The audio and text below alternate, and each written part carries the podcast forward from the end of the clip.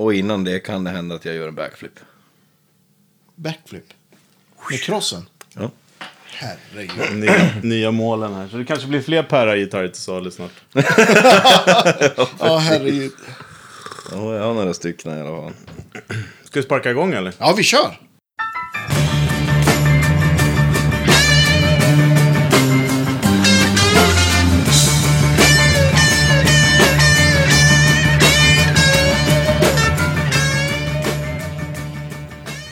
Är det jag? Ja, men Ja, jag, jag, du jag, får äran. jag får äran. Jag som har haft semester. Ja, men precis. Välkommen till Guitar Geeks podcast. Eh, och idag, dagen till ära, så har vi Fredrik the Swedish Cowboy Lundman på besök. Yeah! Väl, Välkommen. välkommen. Tackar, tackar. Ära att vara här. Ja, Och och Da- Dan är ute och cyklar. ja, Dan är ute och cyklar. Bokstavligt talat. Fa- Faktiskt. Ja. Jag är galningen. 12 mil igår i den här värmen. Och vågar inte ens gissa hur många mil han drog idag. Det är helt sjukt. Det var, ja, det var ju, jag tror det var 28 eller något där jag kollade idag. Ja, det känns nästan farligt. Men jag är här i alla fall. Ja, men jag tror Danne cyklar så fort så att det blåser kallt. Så. Ja, det, det är sant. Det är sant. Jag håller mig till motordrivna fordon. Ja. Ja, det är bra. Eh, och vi sitter och slurpar på lite eh, Brown Sound-kaffe som Jajamän. finns att köpa i shoppen. Första batchen är slut. Tack alla ni som har köpt. Ja, stort tack. Eh, det betyder att vi kommer beställa en batch till tror jag. Jajamän. Ehm, och, Och lite hela bönor finns. ja, men precis. Ehm, vi köper väl, eh, kanske inte 50-50, men eh, en, en, en tredjedel hela och resten malda. Ja, men det låter väl jättebra. Det känns som att det är det som har gått i alla fall. Jag har två studiegrannar här som, har, som vill ha hela. Så. Ja, precis. Nej, men jag fick några hela och de, de gick ganska snabbt. Och, eh, så då får man väl också... Vi får se. Eh, om ni hör det här så de som vill så kan vi gå in och... Vi får göra en liten omröstning på Facebook helt enkelt. Exakt. Hela eller malda. Det kan Bra vi göra när vi släpper det här avsnittet. Eh, vi tackar Patreons. Yes. Stort Eh, tack till de alla. stödjer oss varje månad och det betyder väldigt, väldigt mycket. Ja, men visst. För vi har ju tänkt att då den här covid-pisset är över så tänker vi att vi ska resa till Nashville bland annat. Ja, och, Göteborg också. Göteborg jag. Det också, måste vi såklart. nästan göra nu. Vi har fått mycket på er och det, det är super, super kul. Vi ser fram emot det. Eh, och vi hoppas ju såklart att mässorna och sånt kommer igång här Ja, till... men verkligen. till och Hur ser det ut med vintagemässan? Nej, vi pratade lite om det förra avsnittet, men det är inte klart än. Jag tror att Nej. de väntar på restriktioner. Är Eh. ju stekt i alla fall. Har jag Vad, sa du? Näm är väl stekt? Vin, Och de måste vinternäm är Ja, stekt. vinternäm är stekt, Precis. Eh, det går ju liksom inte med det som det är nu. Eh, och det är klart att det är fler än 50 personer samtidigt på vintersmässan. Tänkte vara elak och säga att det inte var det, men det är det faktiskt. Jo.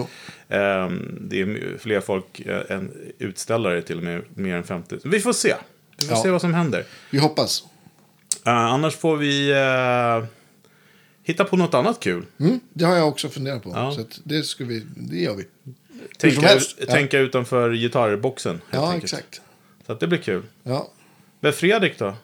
Lundman? Vad jag för planer? Fred? Ja. Nej, men vem är du? Jag? Eh, Fredrik Lundman, född i Piteå, 28 år gammal, född 92. Ja. Växte upp på en ranch med mormor och morfar. Och eh, ja, i lastbilen hos farsgubben också. Eh, spelade... Utanför Piteå eller? Ja, Västerbotten faktiskt. Jaha, vars då? Ja, Uddfors. Okej. Ligger ganska nära Klubbfors. Mm. Precis, man kör eh, blåsmark, hemmingsmark rakt ut emellan Boda. Och så innan eh, du kör över älven som korsar till Västerbotten så tar du höger. Så kommer du in till, till Brännland, markerna där. Och där har vi en stuga. Ja. Där är jag uppvuxen. Men den har ni kvar, eller hur? Ja, Men jag finns för mig att jag såg att du var, besökte här i somras, va? Jo, Ja. direkt jag kom tillbaka från, eh, från USA så åkte jag ju upp där till Piteå. Och så var jag tvungen att hälsa på stugan. Ja. Och då blev man så här eh, nostalgisk. Ja, men det förstår jag. vanligt. Ja, men det blir man ju. Men jag tänkte, vi kan ju börja från början, för det, det har, ju hänt, har ju hänt väldigt mycket kring dig och, och ditt musicerande på sista tiden. Men hur började du ens med musik? Hur, hur vart det gitarrer liksom och sång? Alltså morsan har alltid spelat lägereldsgitarr sedan jag var liten. Så hon har som varit den som har visat mig att man kan spela gitarr och sjunga. Hon hängde med, med ungdomskompisarna och hade med sin gitarr överallt och spelade Ja. för allt och alla. Eh, och när jag då skulle börja högstadiet så, så ville jag söka in på musikklass. Så morsan lärde mig spela gitarr och sjunga en låt. Då hade jag upptäckt att jag kunde sjunga också. Så då lärde hon mig inte Smoke on the Water. Nej, Utan eh, How's the Rising Sun. det var inte Ja. illa. Så det var första låten jag spelade på gitarr. Jag skulle faktiskt gissa på den. Bra gissat Ja. i sådana fall. Den har ju suttit och klinkat några nätter. Ja. Jo, jo. X antal. Nej, så då kom jag in på musikklass helt enkelt. Och där gick jag 7, 8, 9, tre år. Eh, där man får då fem lektioner i veckan istället för en lektion i veckan. Ja. Med musik. Och vart, var, var det här i, i Piteå? Ja, Kristinaskolan i Piteå. Jo, jo. Och eh, jag har lärarna där att tacka att jag lärde mig så mycket multiinstrumentaliskt så att säga. För de, de så här, prackar på en att du måste spela det där instrumentet. Du kan ju redan det där. Ja. Ja. Så att jag var ju kanske duktigast på bas då, men då fick jag ju spela trummor. Och sen blev jag duktig på det och då fick jag flytta vidare till det tråkiga då, keyboarden. för gitarren var ju självklar. Key- Keyboarden, vi, vi kom aldrig överens. Nej. Det blir bara gråa tangenter. Men, eh, men då när med gitarren i början där, eh, var det akustisk gitarr framförallt då? Ja, det, jag hade inte sett, jag hade ju sett men jag hade inte förstått vad en elgitarr var då riktigt. Så det var ju skitcoolt när man äntligen fick plugga in i en, eh, i en liksom metal-rigg med dist och grejer. Ja. Så spelade man så här 70-talsrock och Maiden och Wasp och Kiss och allt sånt där. Det var ju coolt som Vems helst. rigg var den? Nej, det var den som stod där i, i Jaha, på repan skolan? där på skolan. Ja, mm. fränt. Bland annat. Men, men då när du, när du liksom, eh, när du fastnade för morsans gitarrspel där och, och hon lärde dig det där innan, vad, vad, liksom, vad lyssnade du på på den tiden? Kommer du ihåg det? Var det vad var influenserna då?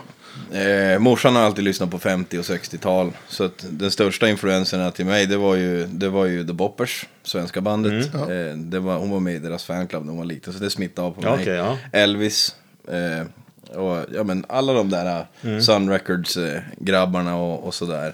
Eh, sen så slirade jag in lite på hårdrock och, och lyssnade på det. Det var en lärare i sex års, långt tidigare, som introducerade mig till Kiss. Mm. Och det var Creatures of the Night. Ja. Kanske en, en av de bättre senare skivorna där. Ja, Ja, ja. jo, det är sant. Eh, men sen det här med instrumentintresset var ju ganska roligt. Det är en historia som jag kommer ihåg som om det var igår. Vi brukade åka en gång per år till Kittelfjäll. Jag kommer inte ihåg hur gammal jag var dock, men jag var väldigt ung. Och där spelade ett, eh, ett band eh, som bestod av eh, lokala förmågor från Piteå. Och basisten där var Esbjörn Häggström. Eh, och eh, hans bas blev stulen från ingenstans.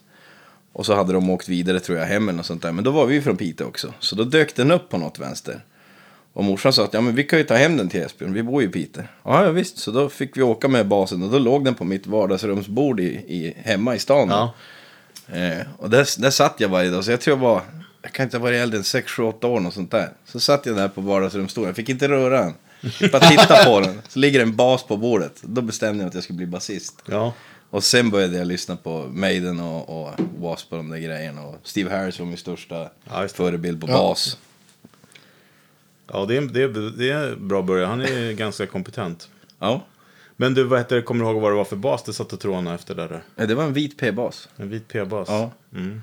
Så det började rätt också. Det börjar rätt direkt. Det ska vara P-bas. Jazzbasar är fina, men jag, jag gillar P-bas. Men då när det är 7, 8, 9 där, började, eh, var det, vart det band och sånt? Då Ja, också? vi startade ett band som heter Snusk. Ja. Eh, baserat på W.A.S.P. Eh, W-A-S-P. S-N-U-S-C med punkter mellan. Eh, och vi hade en massa olika smeknamn på vad punkterna betydde och vad bokstäverna betydde. Men vi lirade i så här 70-80-tal eh, covers. Eh, jag spelade bas. Tom spelade kompgitarr, Eskil spelade leadgitarr och eh, Jonas spelade trummor. Och vi var hårt dedikerade till hårdrocksmusiken då. ja. Sjöng du redan då eller? Nej, nej jag sjöng Nej, inte då. nej. Jag sjöng vid sidan om. Ja. Eh, på tal om ingenting, vet du den första låten jag sjöng live på scen var någonsin? Jag får ju en liten gissningslek Inte här. House of the Rising Sun. Nej. Nej, det var inte det. Inte på scen. Nej, på Men på audition var ju det. För audition för musikklass då. Ja, Okej. Eh, som du sjöng, scen. det måste vara någon Elvis-låt. Då hade jag alltså kommit in på musikklass och vi skulle göra en sån här cafeteria. Are you lonesome musikgrej. tonight? Ja, bra gissat. Eh, in the ghetto. Rakt igenom, start till slut, Stairway to Heaven. Oj, oj! Ja, det är ju... Den var otippad. Ja, det var otippat. Och, eh, man har alla varit... Och då spelar du den också, eller? Ja, Ja. på Akigura då. Så hade jag full band bak i mig med. Ja. Det var skitkul. Roliga Fränt. minnen. Fan, Det nu är- vi gräver djupt här. Det här Ja, är, det är ju bra. tillbaka. Det är därför vi är här. eh, Ni har väl sett när de blir, Led Zeppelin blir invalda i Hall of Fame av när Hart spelar. Ja. Med eh, Jason Bonham på trummor. Ja, och det är så vackert. Jag Ja, får ju. Gåshud. gåshud Gåshud. redan här, vad jag tänker på. Ja.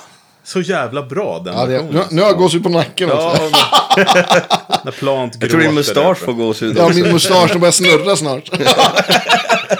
Ja, ja men vad, vad härligt då. Men, men en, en stor del av dig nu är ju countryn. Mm. När liksom fann du den? Eh, hur gör man en lång historia kort? Det går Nej, men du vet, Nej, man får men- köra långt. Ja, det är det, det som är hela det grejen här. Det är Alltså ingen countryn, eh, jag var ju långhårig i plugget, hade hår ner till arslet och lyssnade på hårdrocksmusik. Och, och någonstans där i kring så började jag trubadura och spela. Eh, Jag kommer ihåg mitt första gig på golfrestaurangen i Piteå, jag och Eskil spelade. Eh, Jag tror vi delade på en 500 var eller något sånt där. Vi var skitstolta över det, det var awesome. Eh, och då fick jag en perm av eh, Danne TG, en lokal eh, trubadur från Piteå. Eh, och den varvade jag ut ganska fort, för jag lär mig texter väldigt fort. Eh, så då la jag undan den och så började jag spela solo istället. Eh, men eh, hur... Eh, nu råkar jag tralla bort mig. Hur var frågan? Nej, men, Men hur countrymusik? kom du- Ja, ja, just det. Jo, i alla fall, då fortsatte jag med det trubadurandet.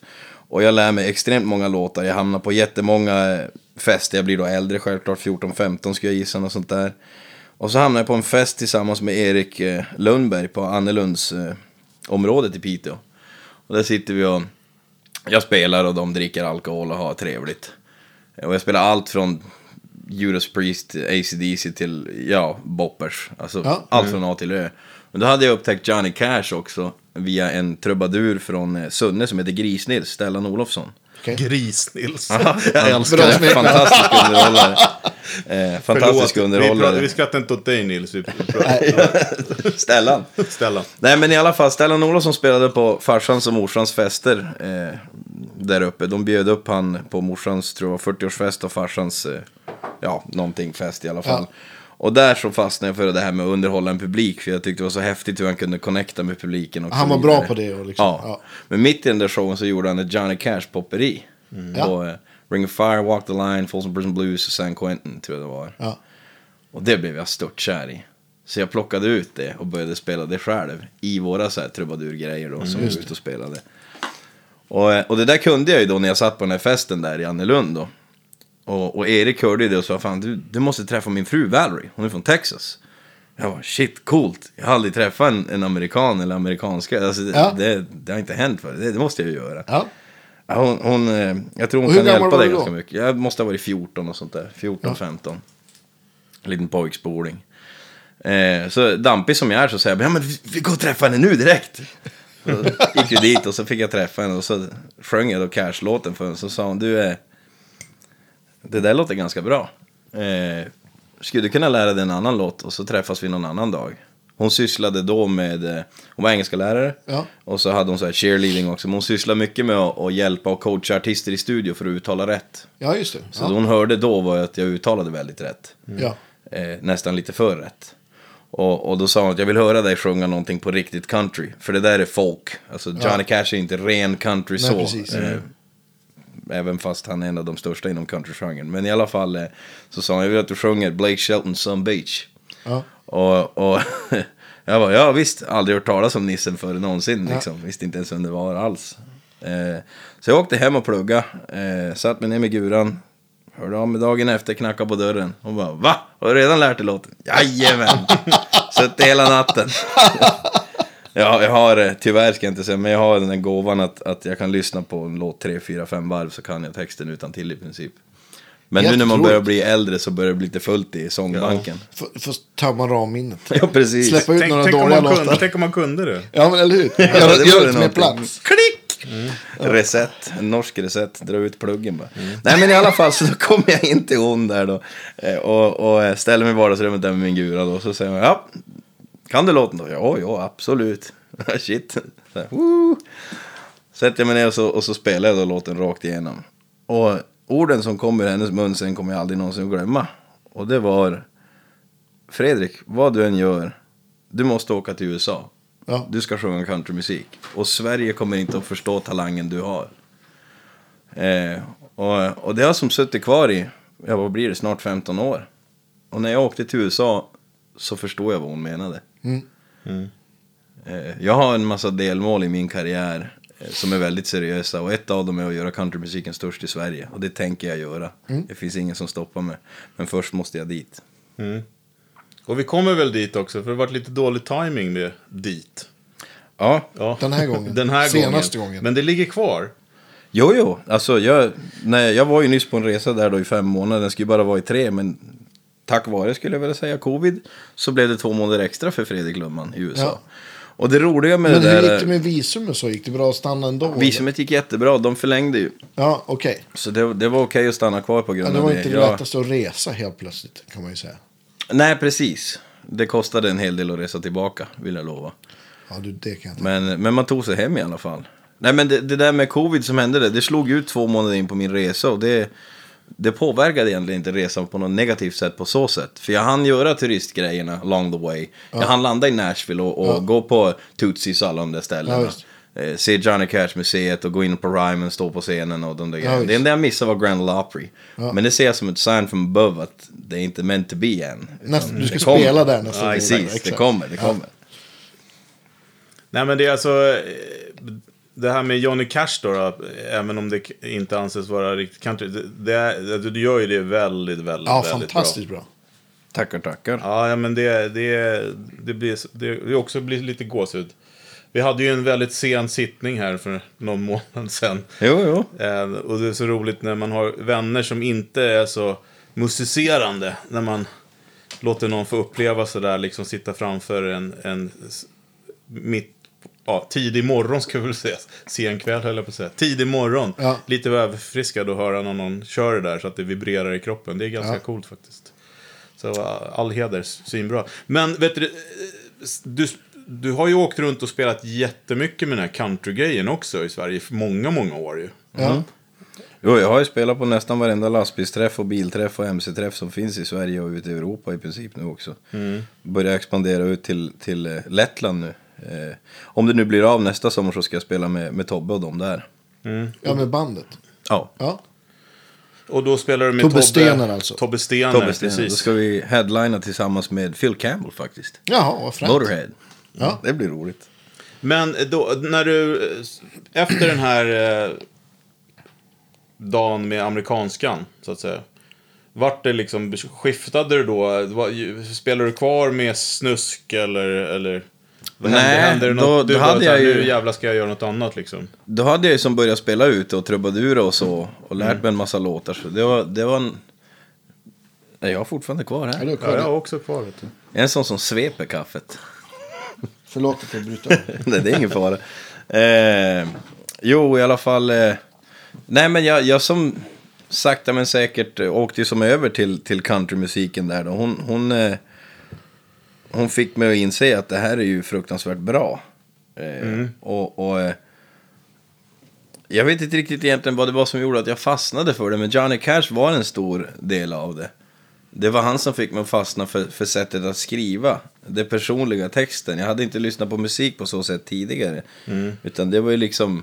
Maiden, då lyssnade jag mycket på, på gitarrgrejerna Ja, och, visst. och, och Bruce extrema fantastiska sångskrik. Ja. Eh, Så som han sjunger. Men jag kan inte säga att jag läs, lusläste texterna, inte alls. Nu i efterhand vet jag ju vad de handlar om, men det är långt efter. Men för, för folk som inte vet så countrymusik är ju texten. På Ja, verkligen. Texten är ju liksom kung, berättandet. Det är ju liksom det som är själva grejen. Och det är då folk, jag som också gillar countrymusik eller älskar countrymusik. Då folk får säga, ja men tycker all ny countrymusik låter ju som popmusik. Så här, jo men lyssna på hur de sjunger och vad de sjunger om. Det är inga poptexter. Det är liksom, Nej. Nej, nej. Och det var ju det som var så häftigt också som jag reflekterade över när jag var där borta. Att, att responsen som man får vars man än åker i USA när man menar vad man sjunger om deras musik och så vidare. Är ju helt otrolig. Ja, För att grejen är att om du sitter och sjunger countrymusik på Ängelen här i Stockholm till exempel. Så det är ju ofta svenskar då generellt i publiken. Eh, och vi måste ju översätta i huvudet texten som artisten sjunger. Så Ja, vi kommer precis. aldrig kunna, om vi inte är född naturligt med amerikanska, Ja. kunna höra det på svenska. Det är inte, alltså när jag sitter i baren i Dallas Ja. och sjunger på amerikanska, då sitter de och lyssnar som när jag sjunger för sven, på svenska för dig. ja, men exakt. Så det blir ju en helt annan grej när man är där borta. Ja, det är bara att kolla som... Eh, ja, men om man lyssnar på Cornelius eller Fred Åkerström eller Monica. visst. sett, liksom, eh, det är, då hör man ju vad de säger liksom. Jo, Ja, precis. exakt. Om man säger så. Det, Cornelius var ett praktexempel. Bra där. Visst. Ja. Klockrent. Ja, men det, faktiskt, jag har ju vuxit upp med Cornelius, men det var faktiskt i veckan som var så hamnade på något sätt så hamnade... Jo, men jag lyssnade på en sån här sommarprat. Eh, med, med den här eh, någon eh, do, skydds, smittskyddsläkare. Som hade väldigt mycket så här visor och grejer och lite jazz Okej. och sånt.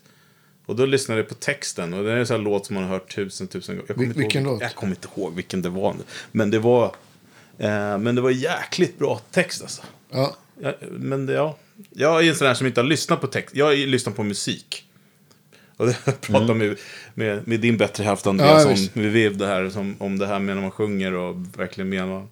Det är det som är häftigt när man tar sig tid att sätta sig och lyssna liksom. Och det är coolt. En, en kort parentes bara. Vi skulle spela på, eller vi spelade på Vivians bästa kompis bröllop. Eh, här för förra lördagen. Och så för kanske någon månad sedan så de ju då bett oss att spela på vigseln. Jag fick spela ingångsmarschen på Weissenborn. Det var jättekul. Och så sen skulle vi spela en låt. Ja men. Och, och jag är så jävla blödig så att jag tycker att det är jobbigt att spela på för människor som jag liksom inte ens känner som vigslar liksom. I alla fall, och, så, och, så bör, och vi bara skissar på olika låtar. Och så bara, ja men vi testar den här. Och så, och så körde vi någon vers och vi bara, och började gråta. Och så bara, så, nej men, bara, nej men det går inte. Det här kommer aldrig gå. Har du lyssnat på texten? Bara, vi kör igen. Och så bara lyssnar jag på texten. Bara, börjar jag också gråta. Nej det kommer aldrig gå. Ja, usch. Ja. Nej, om man, och man, då, om man har spelat på ett par, par bröllop och så, och så liksom, precis, precis efter folk har sagt ja och liksom, nu får du kyssa bruden och så ska man spela. Det är ju det är ju ganska liksom, det är ett, ett, ett jättefint ögonblick liksom. Jag tänkte säga begravningar är väl ännu värre om man lyssnar på vad man sjunger. Ja, det är det värsta. Fy fan, det fattar jag. Ja, jag spelar inte på begravningar. Det, Det gör jag. Va? Ja, det, Det gör jag. Det Ja, är svårt. men det kan jag tänka mig. Det är jättefint, och så frågar någon så Ja. säger man ju inte. Senaste, senaste begravningen jag sjöng på, det var min mormors. Ja, Oh, shit, så då att blir du det extra tufft. Ja, det, var, det är utan tvekan bland det tuffaste jag någonsin sjungit. Fast då kan man ju också, om man väljer rätt låt så kan ju det bli otroligt fint. Det, det var också en jätteskum historia det där. Eh, hon, eh, hon somnade in på ålderdomshemmet då. Eh, och så ringer mamma och säger att nu har mormor somnat in. Kan du komma förbi så sätter vi oss här och, och eh, ja. Eh, så jag åkte dit och det var jag och morsan där. Och så sitter jag där bredvid mormor och så tänker jag Ja, jag ska ju sjunga på hennes begravning. Det är bara självklart. Jag sjöng på morfars begravning.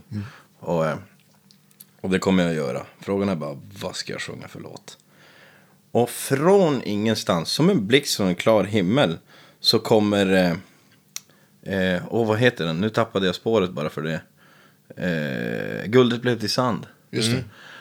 Och jag bara, varför i hela dök den låten upp? Det roliga var att morsan och farsan jobbar väldigt mycket i min uppväxt. Jag har ju bott mycket hos mormor och morfar, farmor och farfar. Ja. Och mormor, när den där låten kom på, på Svensktoppen eller vad det då var, så det var liksom så fort den kom på radion så bara tyst allihopa i huset, tyst! Upp med volymen. Ja. Nu ska vi lyssna på den här låten, ingenting annat. Och det kom från en blixt, som en blixt från en klar himmel där när jag satt där. Så då valde jag den låten och det är utan tvekan den jobbigaste låt jag någonsin sjungit. Det är, ja, det är en fin låt. Den är dels krävande utav bara den för sångrösten, men sen liksom när du står bredvid din mormors kista. ja, shit, jag skulle aldrig fixa, fixa det alltså. Ja, det var väl, det var, det, där gav jag mig själv en klapp på axeln måste Ja, jag men- säga faktiskt. Ja. Verkligen. Men, men började du, när började du skriva egna låtar då? Eh, det var ju strax innan jag lärde känna Tobbe. Det måste vara en nio år sedan. Ja. Eh, jag träffade Patrik Ölund på en Peter Summer Games-fest i Piteå. Och, eh, och så sa jag att eh, jag har lite låtidéer. Jag skulle behöva lite hjälp att få ner det till musik. Du skriver ju. Ja, då hade han börjat det med, med sin då, fru Madeleine Hamberg där då. Ja. Så att, så vi satte oss ner och började spåna på grejer. Och helt plötsligt hade vi gjort fem eller sex låtar och sånt där. Som nu då är färdiginspelade dessutom i Tobbes studio, Tobbe Stener. Eh, det tog åtta år att göra klart skivan, men nu är den klar. Ja, men den som väntar på något gott. En liten, Ja, liten instickare där. Eh, Nu när du var i USA så hann du ju med att besöka Norms Rare Guitars också. Ja, det stämmer. Var det någon av de låtarna som du sjöng där? Jo, jag, jag spelade Thanks to you där. Thanks Ja. to you är en låt skriven av, av Patrik, Madeleine och mig. Och eh, den handlar om ett, ett förhållande jag hade tidigare som gick i krasch. Hon dumpade mig. Och det var ju inget roligt, jag mådde Nej. ju skit. Men istället för att skriva en, en ledsen countrylåt i A-moll och, och om hur dåligt livet är så skrev jag alla positiva saker med att vara musiker eller artist och bli dumpad. Mm. Det, då blir man ju fri. Woho! Öppen dörr. Precis, så då skrev jag thanks to you. För det är lite roligt, ni som, eh, lyssnarna som inte har besökt Normans Rare Guitars, eh, gör det. Eh, fantastisk YouTube-kanal. Eh, Oh ja. Jag har inte varit i butiken, har du varit där Andreas? Nej, jag har Men inte det. Fredrik har ju uppenbart varit där. Ja. Men det de gör i alla fall där, det är att eh, för det första har de eh, dagens gitarrer som de visar upp hit. Men när de har eh, duktiga artister som besöker butiken och, och för att köpa någon gitarr så brukar de göra en intervju och få spela lite. Och där kunde man hitta Fred the Cowboy, Swedish Cowboy.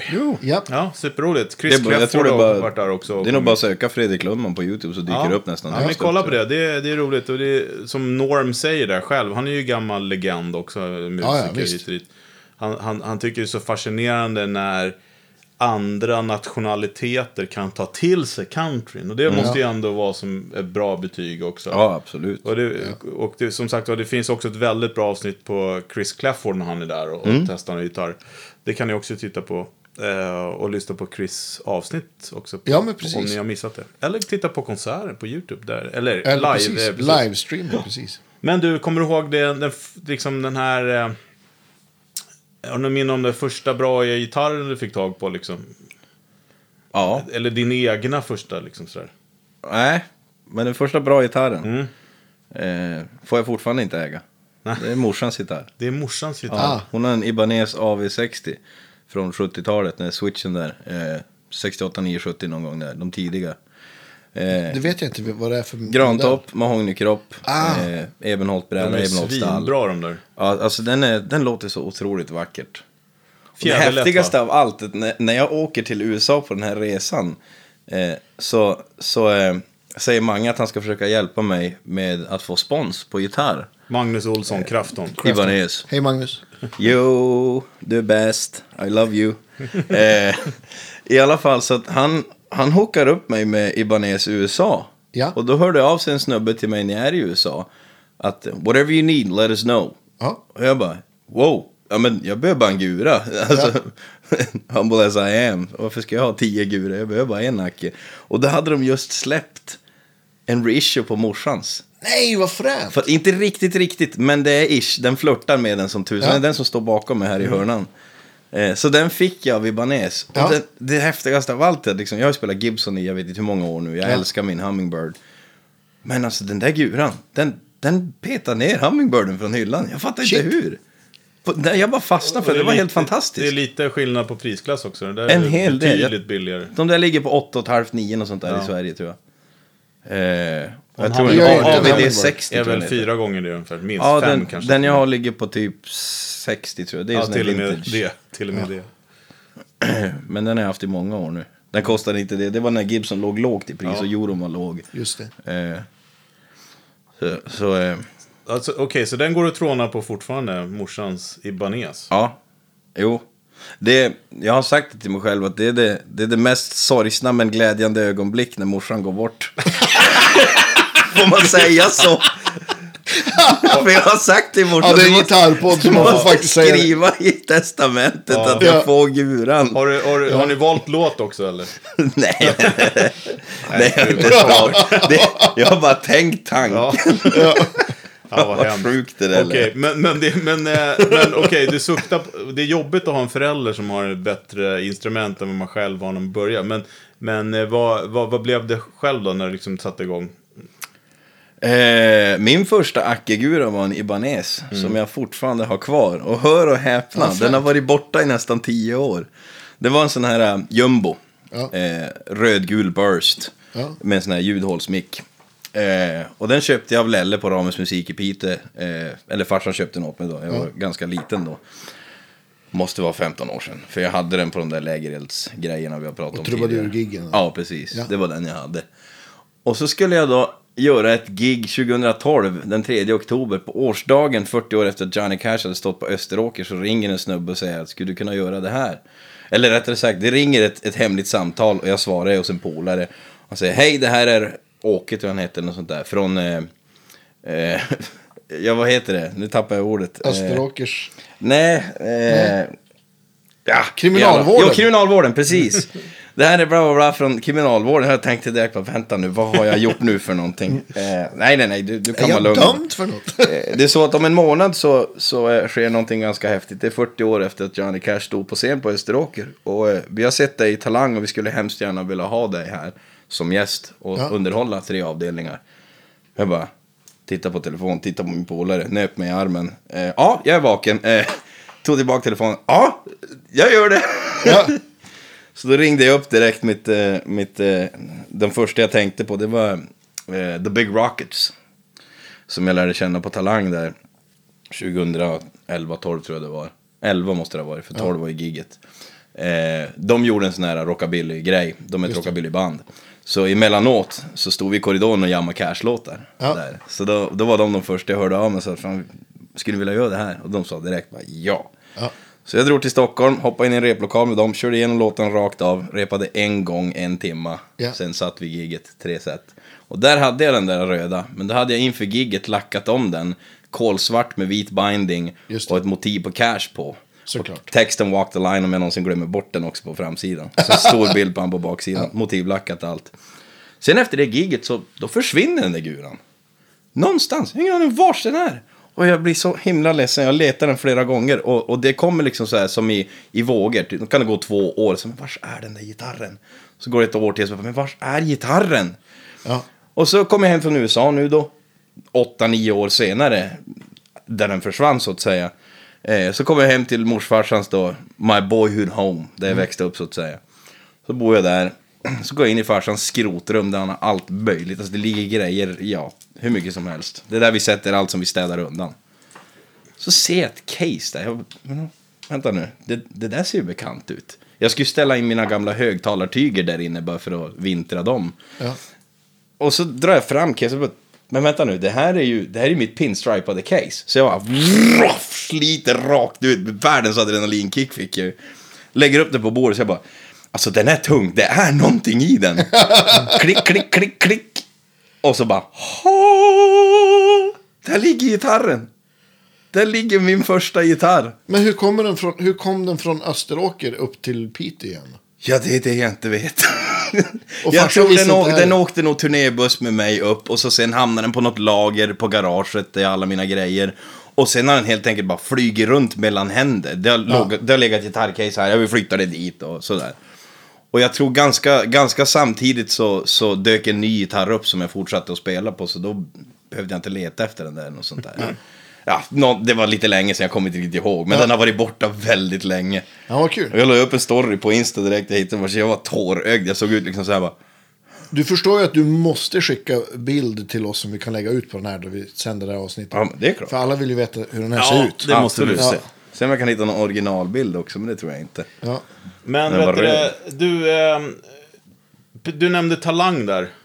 Du var, Ja. var med, var, varit med i Idol också, eller nej? Jag sökte till Idol 2010, men då, då när jag skulle igenom de här jurygrupperna så jag tog mig igenom jurygrupperna, men sen var det den här liveinspelningen då, eller när de ska tejpa med juryn då. Ja. Då, eh, då lyckades jag få luftrörskatarr och lunginflammation.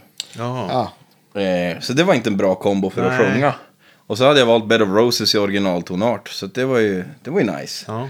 Så det skar på högsta tonen kan man säga. Ja. Och, och då tog jag mig inte vidare. Men året därefter så ringde de upp mig och scoutade mig och, och ville att jag skulle, skulle vara med. Ja. Och sa ja, vi får väl se eh, hur det känns då. Ja men till slut så tackade jag ja. Då gjorde jag den här Kiss My Country Ass, Blake Shelton då. Då, då hade jag varit introducerad då till den här musiken som jag älskar.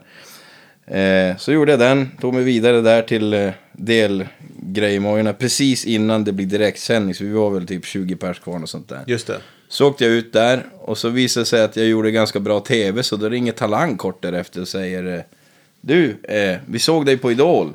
Eh, vad säger du om att söka till Talang? Jag bara, ja, all uppmärksamhet är bra uppmärksamhet liksom. Ja. Så, så jag tackade ja till det. Och så åkte jag dit ner och gjorde en audition. Eh, gick vidare på att jag gjorde cash, fick ett nej och tre ja. Eller om det var, ja de kanske var tre i juryn. Det var en som sa nej i alla fall. Fyra brukar de vara. Ja, då var det kanske. Det var Fexeus som sa nej i alla fall. Henry Fexeus. Jag kommer ihåg det som det var Ja. igår. Henrik. Det roliga var att han sa där att om jag hade svarat att jag är här som, eh, som en impers- impersonator av Johnny Cash så hade jag fått ett ja av honom. Ja. För det var perfekt sa han. Men i och med att du säger att du är här som artist och individuell liksom självsångare. Då kunde han inte ge mig ett ja. Men sen i en kort intervju efter, efteråt så säger han till tv att jag skulle ha gett han ett ja egentligen. Jag vet inte varför jag var så hård mot honom. Han var ju svinbra. Ja. Ja, han är, Henrik är en fantastisk... eh, Om du av någon konstig anledning lyssnat på Guitar Geeks, Henrik, så eh, Ja. hej på dig. ja, hej. Jag, Väldigt jag är en stor fan. Ja, han är en trevlig snubbe. Eh, men han är ju inte musiker. Nej. Nej, nej. Så att ha fått nej av en trollkarl är helt okej. Förlåt, det är så. Jag får inte säga att han är trollkarl heller. Nu blev han... sorry. Nu, Charlotte nu, fick, nu blev du också med- utröstad Fredrik. nej. Jag tror Charlotte jämförde mig med Christer Sjögren. Han är nästan lika djup som Christer Sjögren. Ja, men hon kommer ju från dansbandsbranschen. Så ja, ja, i och för sig. Ja, ja, men härligt. Men okej, men, eh, men eh, vi måste prata lite grejer också här. Gitarren Ja. var han vi in på här, men e, när vart det elgitarr då? Eh, det är ju långt efter. Ja du. Första elgitarren var ju då, var ju då eh, då jag skulle spela Guns N' Roses i åttan tror jag det var, någon avslutningskonsert. Då hade jag fått en Hagström. Swede, Eh, eller? Ja, jag tror det var en Super Swede. Ehm, jo, det var en Super Swede. Eh, kan ha varit 14 eller något sånt där. Och så hade jag en Vox Valtronics VT30 tror jag. Den är 30 fan bra alltså. Ja. Och så kommer jag ihåg det som igår när vi skulle göra den där konserten. Jag och Håkan Norberg, min lärare då där. Fick jag så här, kvällen innan sätta mig ner med han i musikrummet helt ensam. Så skulle vi tweaka till perfekt Guns N' Roses intro och, Ja. och comp sound. Vilken låt var det? Klockrent. Paradise City, what else? ja, såklart. There is only one. Nej jag skojar. Det finns hur mycket Guns N' Roses som helst. Nej men den spelade vi i alla fall. Så det, det var min första elgitarr. Den är tyvärr borta nu. Eh, Den försvann eh, med en god vän. Men så kan det gå. Ja. Eh, och, eh, men men eh, den första riktiga alltså, elgitarren jag kommer ihåg det är ju Det är ju min Esquire som jag har uppe i Piteå. En custom shop. Just det. Den, den totally blew me away. Då hade jag, det är många år efter, det är bara några år sedan, kan vara fem sex år sedan nu. Som jag gick in på Deluxe. Jag var och spelade någonting i Stockholm. Går in på Deluxe och så står en sån här snygg, så här röd, en sån här matta som jag har på golvet här. Så står det en snygg Marshall, liten 5 watts kombo, vintage-aktig sak. Så står det en Esquire där med en axelrem hängandes. Och det vill jag ju ha, för det spelade ju Luther Perkins, Johnny Cash gitarrist. Självklart, Esquire. Så plockade jag upp det och så bara wow, vilken grej. Men den kostar ju typ 20, 22, 23, 25 tusen och sånt där. Ja. Det var inte pengar jag hade överhuvudtaget. Och från den dagen så började jag spara ordentligt. Och sen någon månad efter så köpte jag den gitarren. Det var, Och den fanns är, kvar. Den är tatuerad på armen här. Ja. Nu kan inte jag Det var visa tänkt för att du skulle köpa just den. Det var att den, den fanns kvar, precis. Ja. Det var tänkt att jag skulle Är ha den den. eh, vit eller? Den är gul. Gul, ja. Så ser den ut. Ja, just det. Eh, Visar en fin... Blackguard, Ja, eh, det. Esquire. Billy Gibbons eh, mikrofon i stallet, original. Jaha, fränt. Eh, den heter sån här Limited Edition 50s Tribute eller något sånt Ja. där. Eh, gjordes 2010 kanske. Eh, Men custom shop. ja. Det är ändå billigt de pengarna. ja, men det var en teambuild. Okej, ja. Så men det är 20, ändå 25 billigt, tycker jag. Eller? Jag är ute och cyklar. Ja. 22 Ja, men de 000 ligger där någonstans teambuild. Ja, ja. Alltså, de ja, här- det är mycket gitarr för pengarna. Ja, Ja, verkligen. ja. Det roliga med den här, det är ju askkropp och det är lönnhals. Det är liksom ett recept på så här ska det låta. Ja. Sen låter den så där. Alltså åt helt andra hållet. Okej. Den låter inte, alltså den låter så fet och så bastant och så stor. Så ja, det går inte att beskriva. Samma akustiskt också. Jag har aldrig hållit i en ask-tele som har låtit som den, någonsin. Och Roger då, om vi ska hoppa till en helt annan sak, som då bygger mina förstärkare, Scavenger, Roger Abrahamsson, han, eh, han är en jätteduktig instrumentkännare. Jag vet inte hur han gör, jag kommer aldrig kunna förklara det, men om han säger att ett instrument är bra, då är det bra, punkt. Okej. Och han sa till mig att den här telen får du aldrig göra dig av med. Det här är det bästa jag någonsin, någonsin hållit i. Okej. Vad han då menar med det, det förstår jag inte. Men eh, jag har kvar den i alla fall. Jag kommer Ja. aldrig bort den. Och Squire är också lite speciellt med en mick bara. Det blir ju faktiskt... Ja, det är tufft. Ja, det är så jag spelar idag. Jag, jag har som ingen användning av en halsmick. Vad ska man med en sån till? Det är rock'n'roll med Men, eh, men eh, du har ju också, nu vet jag inte om du har samma koppling på den, men eh, vi kommer kommer in på det här med penngitarr och sånt, men du har ju också en jäkligt speciell eh, koppling där, fyrvägsswitch på Esquire. Med, o- med bakläget då, då bypassar man ju tonkontrollen. Då är det bara volymen. Läge två då, framåt, är då med, eh, med tonkontroll. Jajamän. Och läge 3 och 4 så har ju du två olika kondensatorvärden på. Då. Mm. Eh, och där har, har ju Perra som har hjälpt dig med det lyckats väldigt väl, tycker Ja, verkligen. jag. Eh, Ja, du har testat den gitarren? ja, det, det är, den- du har också testat den gitarren. Det är Det var den första du spelade på. Fredriks Ja, Blom. den ja! Den var ja Tela. jag, trodde att, jag trodde att vi pratade om custom shop-gitarren. Nej, men jag undrar Nej, om nej. hade samma koppling på den. Har du det? Nej? Eh, på Custom Shop. Ja. Eh, nej, den har ju, den har ju klassisk Esquire-koppling. Ja, just det. Ja. Och det är i princip samma sak, men Fast den har inte det tre fjärde läget. Ja. Precis, tre läges switch. Men, men den, det är den Paisley-färgade Penn-gitarren vi pratar om nu. Ja, den med fyra, ja. Fyra, precis. Fyra. Tela. Precis. Telafärgad. Tela. Just det är det. ett helt unikt motiv. Kanske inte har berättat för dig. Jo, det tror jag att du berättar, men det har jag glömt. Det är... Eh, eh, mitt ex, eh, Linnea Norby, hade ett skolprojekt innan hon skulle sluta där på media. Just det. Att göra ett mönster. Och då sa jag till henne att om, om du id så får du gärna göra ett unikt mönster baserat på Paisley 68. Ja. För då hade jag en Masterbuild Paisley Just på det. den tiden. Eh, som jag hade köpt av Chris Andersén. Eh, och, eh, men jag ville ha en egen. Jag ville ha någonting som är unikt för mig. Ja. Så hon designade ett, ett floral mönster typ som hon döpte till Tela. Och då sa jag till Perra att nu är jag redo för att lägga en order på Ja. riktigt. En custom order. Så då, då tog vi fram en, vi, hon letade då fram en blå glittrig tapet som sen min polare eh, Ru printade det här mönstret på. Så jag har liksom 40 meters rullar med det där mönstret kvar. Som Ja, ligger på hans, det ligger i hans verkstad så du, du Ja, kan ja. åka förbi och Får kolla på göra den här sen. De, Ja, exakt. Och då testade han ju, då Perra började liksom klistra på och testa och prova lite olika för att se hur det flyter igenom och grejer. Ja. Du kan få väldigt mycket problem med, med lim och sånt, med cellulosan, att det, liksom, det flyter igenom och så blir det bövligt. Ja. Det har inte existerat på den här gitarren kan jag lova det. Eh, och så sen så kom det en gitarr helt enkelt. Och det lustigaste av allt var att då hade jag enligt mig den bästa ja, Fendern jag någonsin hållit i. Det var en 68 Masterbuilt Galushka. Just det. Eh, den började hängas på väggen hela tiden när jag fick Tela. Eh, så jag insåg efter ett tag att den här gitarren måste jag ju sälja. Den hänger ju bara. Så bra var Tela. och den har, du, du har ju med dig den om vi precis den står där borta ser. Jo. Ja. Och det, det är ju väldigt, väldigt kul med det här pen, Perra och penngitarrerna där. Du spelar ju också på det. Ja. Men vad heter det? Och nu du! Ja, jag också nu. Ja. Precis. Familjen växer. Yeah! Och det blev så. Ja. Eh, men vad heter det? Eh, när, det här, eh, när du kör med det här countrybandet då, för att du, du spelar mycket Akigura och sånt. Mm. Eh, och vad, har- vad har du för mickar på den då? När du, Akiguran. Ja. Kör alltid KK. Pure Mini. ja. Eh, jag tycker det framhäver den riktiga akustiska tonen i guran. Eh, och så är det inte en massa skruvar, de låter bara bra rakt av. Som det är. Det är ju jävligt impedanskänsligt. Så att man, Ja. man ska ha en bra linebox. Eller preamp. Vad kör du då? då? Jag kör bara rakt in i Bose-systemen. Jag har Det, spelat det Bose i funkar 15 år. svinbra. Ja.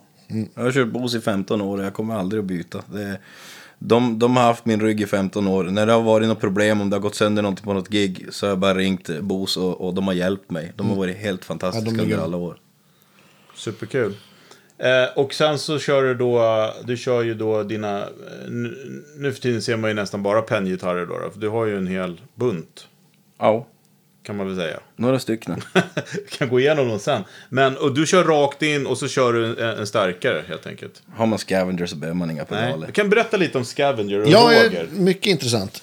ja, jag har ju pratat med Rydman ett tag om det här och Ja. han har ju varit supernyfiken att få prova. Så nu tog jag med mig tre stycken så han ska få Och prova. jag har ju redan tjuvtestat dem. Ja. Ja, Men. Roger, berätta om Roger. Roger är en liten rolig kus. Man, man eh, ska väl inte säga så mycket om han. Han är den bästa bilmekaniker jag någonsin träffat på. Den bästa pistolskytt jag någonsin träffat på.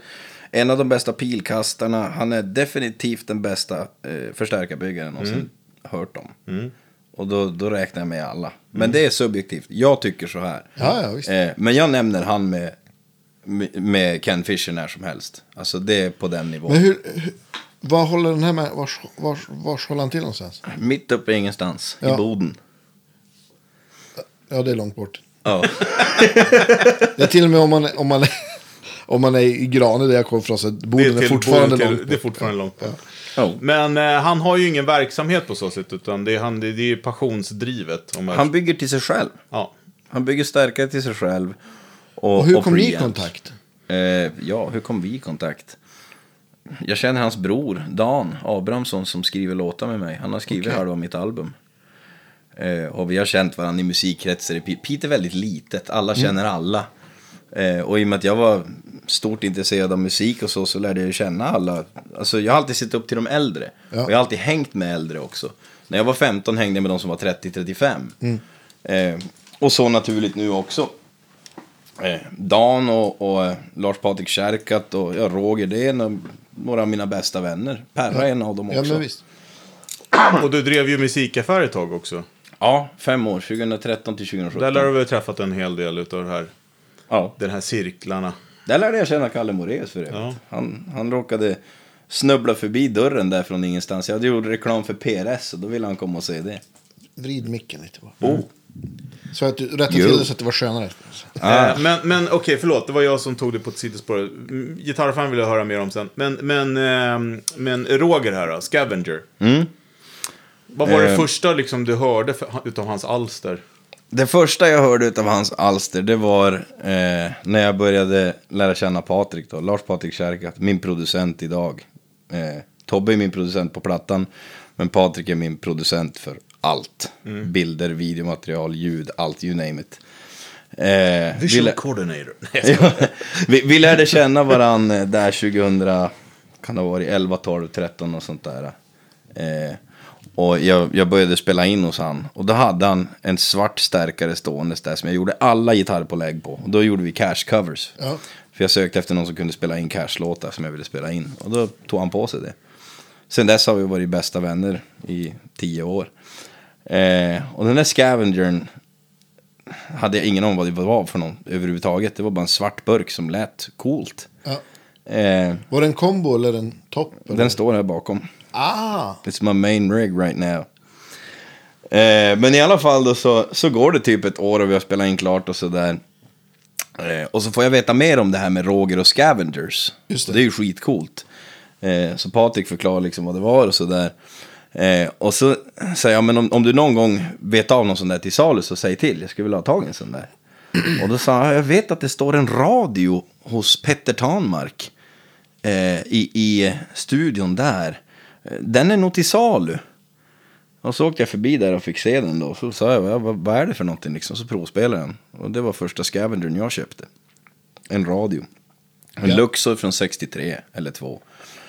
Eh, originalelement, så här litet 4-tums element. Den är på 0,2 eller 3 watt ungefär. Ja. Och det är det brutalaste gitarrljud jag någonsin hört närmickat i studio.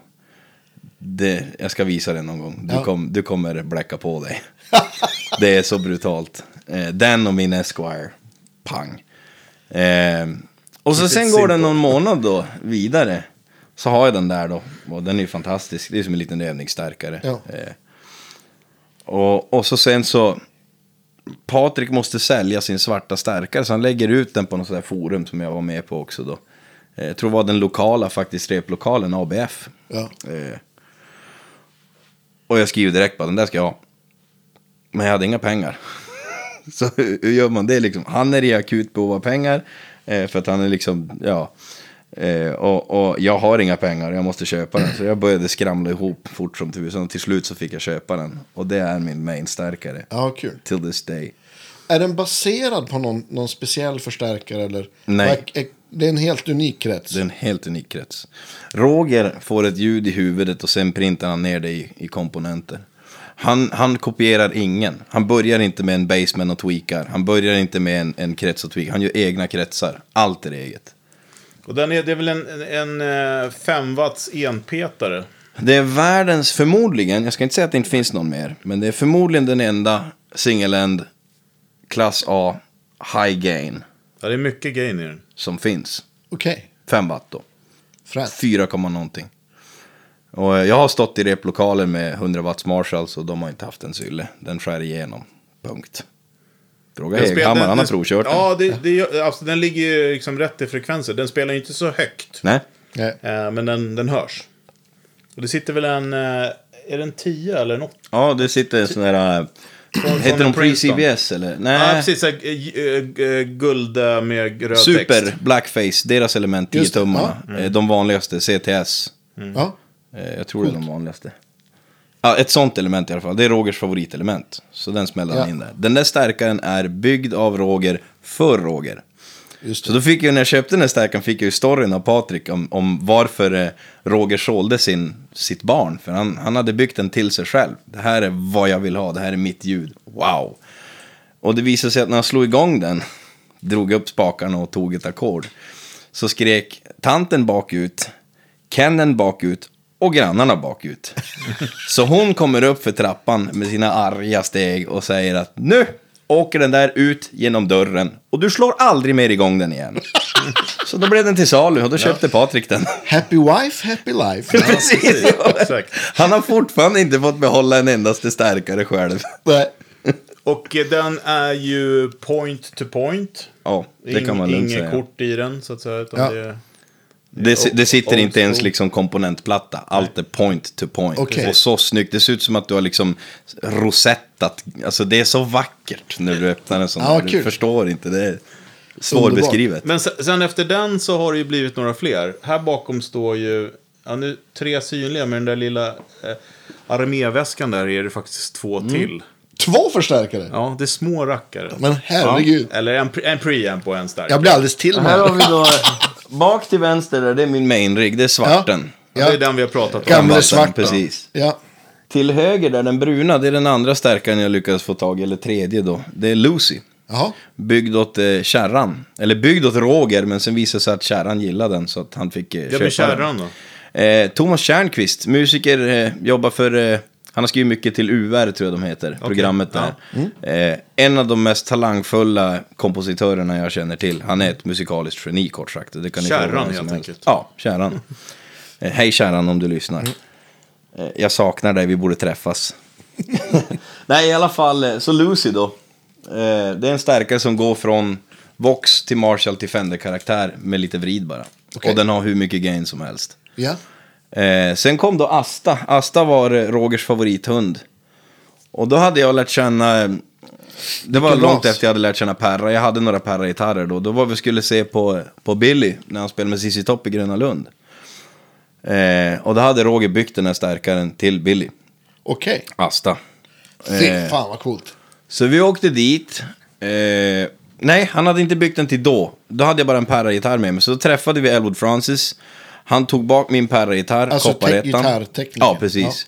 Billy provade den, kom tillbaka med den och säger vad ska du ha för den? Billy vill köpa den. Jag sa tyvärr den är inte till salu, det där är min första Perra-gitarr. Den Ja. står här bak också. Ja. Eh, Koppar. och på, på den vägen blev det. Sen går det två år till och så gör de en turné i eh, Dalhalla. Så Just det. Dalhalla en kväll och kvällen efter i Helsingborg. Just det. Eh, och vi tog ju med då Asta, stärkaren då som han då hade byggt. Eftersom att vi visste att vi skulle träffa Billy där. Ja. Så, så tog jag med mig en gitarr som kunde vara till salu. Eh, och så tog vi med en stärkare som är byggd specifikt åt Billy. Eh, och så träffar vi Elwood där. Eh, Elwood går bak till Billy, eh, kommer tillbaka och säger Skulle ni kunna ha vägarna förbi Helsingborg imorgon? För Billy vill träffa er i turnébussen och prova stärkaren och gitarren i lugn och ro. Ja. Eh, och, och jag tittar på Roger, för jag säger ja direkt, jag är med på allt. Och Roger bara, alltså tyvärr, hon, hon, kommer, hon kommer inte gilla om vi åker vidare, vi måste åka upp. Men chansen kommer att finnas kvar, han kommer ju vilja prova det där i framtiden. Vi, vi, vi blåser uppåt. Åker förbi Helsingborg. Ja. Precis, ja. En, en liten nätt omväg på jävla- 90 mil. Det är bara så Enkel väg. amerikanskt. ja, men jag är ju van att köra bil, jag har Jo, kört det- hur det- mycket Ja, för dig, Vi ja, ja. norrlänningar är vana också. Vi har andra distanser där uppe vet ni. Det är Ja. inte riktigt tunnelbanor och sånt där. där. Nej men så då, då sket vi det och så, sen dess har de inte kommit tillbaka till Sverige. Men nästa gång de kommer till Sverige så ska vi träffa Billy Ja. i person. Eh, det roliga var att några år senare så är jag i Norge på en eh, mässa. Och lär känna John DiAgostino som bor granne med Billy i San Francisco. Så att eh, jag introducerar han för mina gitarrer, John DiAgostino som bygger de exklusivaste bilarna i världen. Han var Ja, först visst. på Discovery Channel med att göra sådana här tv-program. Exakt. Så att han introducerar mig då till det här, äh, ja att han känner då Billy. Och jag bara, men hallå, det här är ju skithäftigt. Eh, det här måste vi göra någonting åt. Jag ska till USA om ett halvår, ett år ungefär. Då kan vi träffas där. Så att eh, han började skicka bilder på Perra-gitarrer till Billy. personligen. Så att Billy och han hörde ju av sig när jag var i Kalifornien. Men tyvärr Yeah. kunde vi inte träffas då, för Billy skulle någon annanstans då.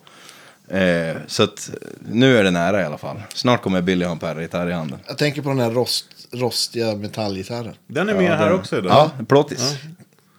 Ni förstår ju hur, hur, eh, hur bilden till dagens avsnitt kommer se ut. Ja, eller hur? Men du, vet du, jag, jag, eh, när vi testade sist då, fick, fick vi, ju- vi pratade ju lite med, med Roger om de där stärkarna. Eh, och då var det ju runda slängar då, som man sa. 5 watt i den, den, din huvudstärk där, 5. Lucy ligger på 20 watt och i 6 vid 6 då. Ja. Med en överdimensionerad trafo. Så att den, den kan ju också vara kli, det- alltså, Du kan switcha till 6 och få 40-50 watt. Ännu Okej. mer, precis. Exakt. Ännu mer kraft. Men den är liksom byggd, det är en kraftfullt starkare, medan då den andra då är Asta då. Mm. Eh, som har också 6x6. Som är kopplad med en underdimensionerad trafo. För att den liksom ska vara lite... Ja, den ligger på inte mer säg. Den ligger runt 12 watt. Då. Okej. Så att Ja. då, då, då, kan man, då går eh, 6x6 väldigt snällt kan man säga. Ja. Så det är lite, lite roligt. Det är nog den mest mainstreamade stärkan som Roger har faktiskt eh, tagit fram. Eh, den var ju dedikerad Billy och hans ljud på 70-talet. Just det. Så att det är lite så här blackface tweed över den. Ja. Och mycket mer. Eh, du har ju hört själv, den kan ju verkligen skita ner sig.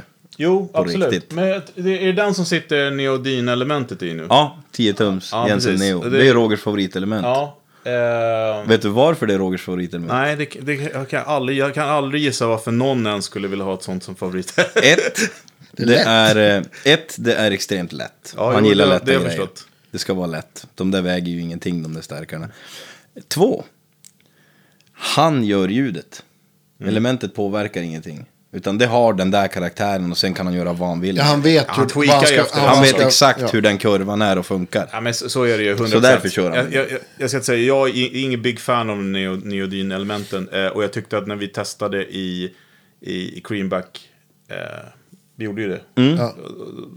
Vart en helt annan starkare. Ja. Men det är smak och tycke såklart. Jo, ja, absolut. Alla stärkare förändras ju med Men, allt men möjligt. eh, när, man är, när man har den kunskapen som Roger och alla som är duktiga, Björn Juhl och Tommy Cougar och Ola och Ja, visst. Olsson och de här, när de liksom designar kring saker och ting, då får de ju det precis som de vill ha det. Ja, men exakt. Absolut.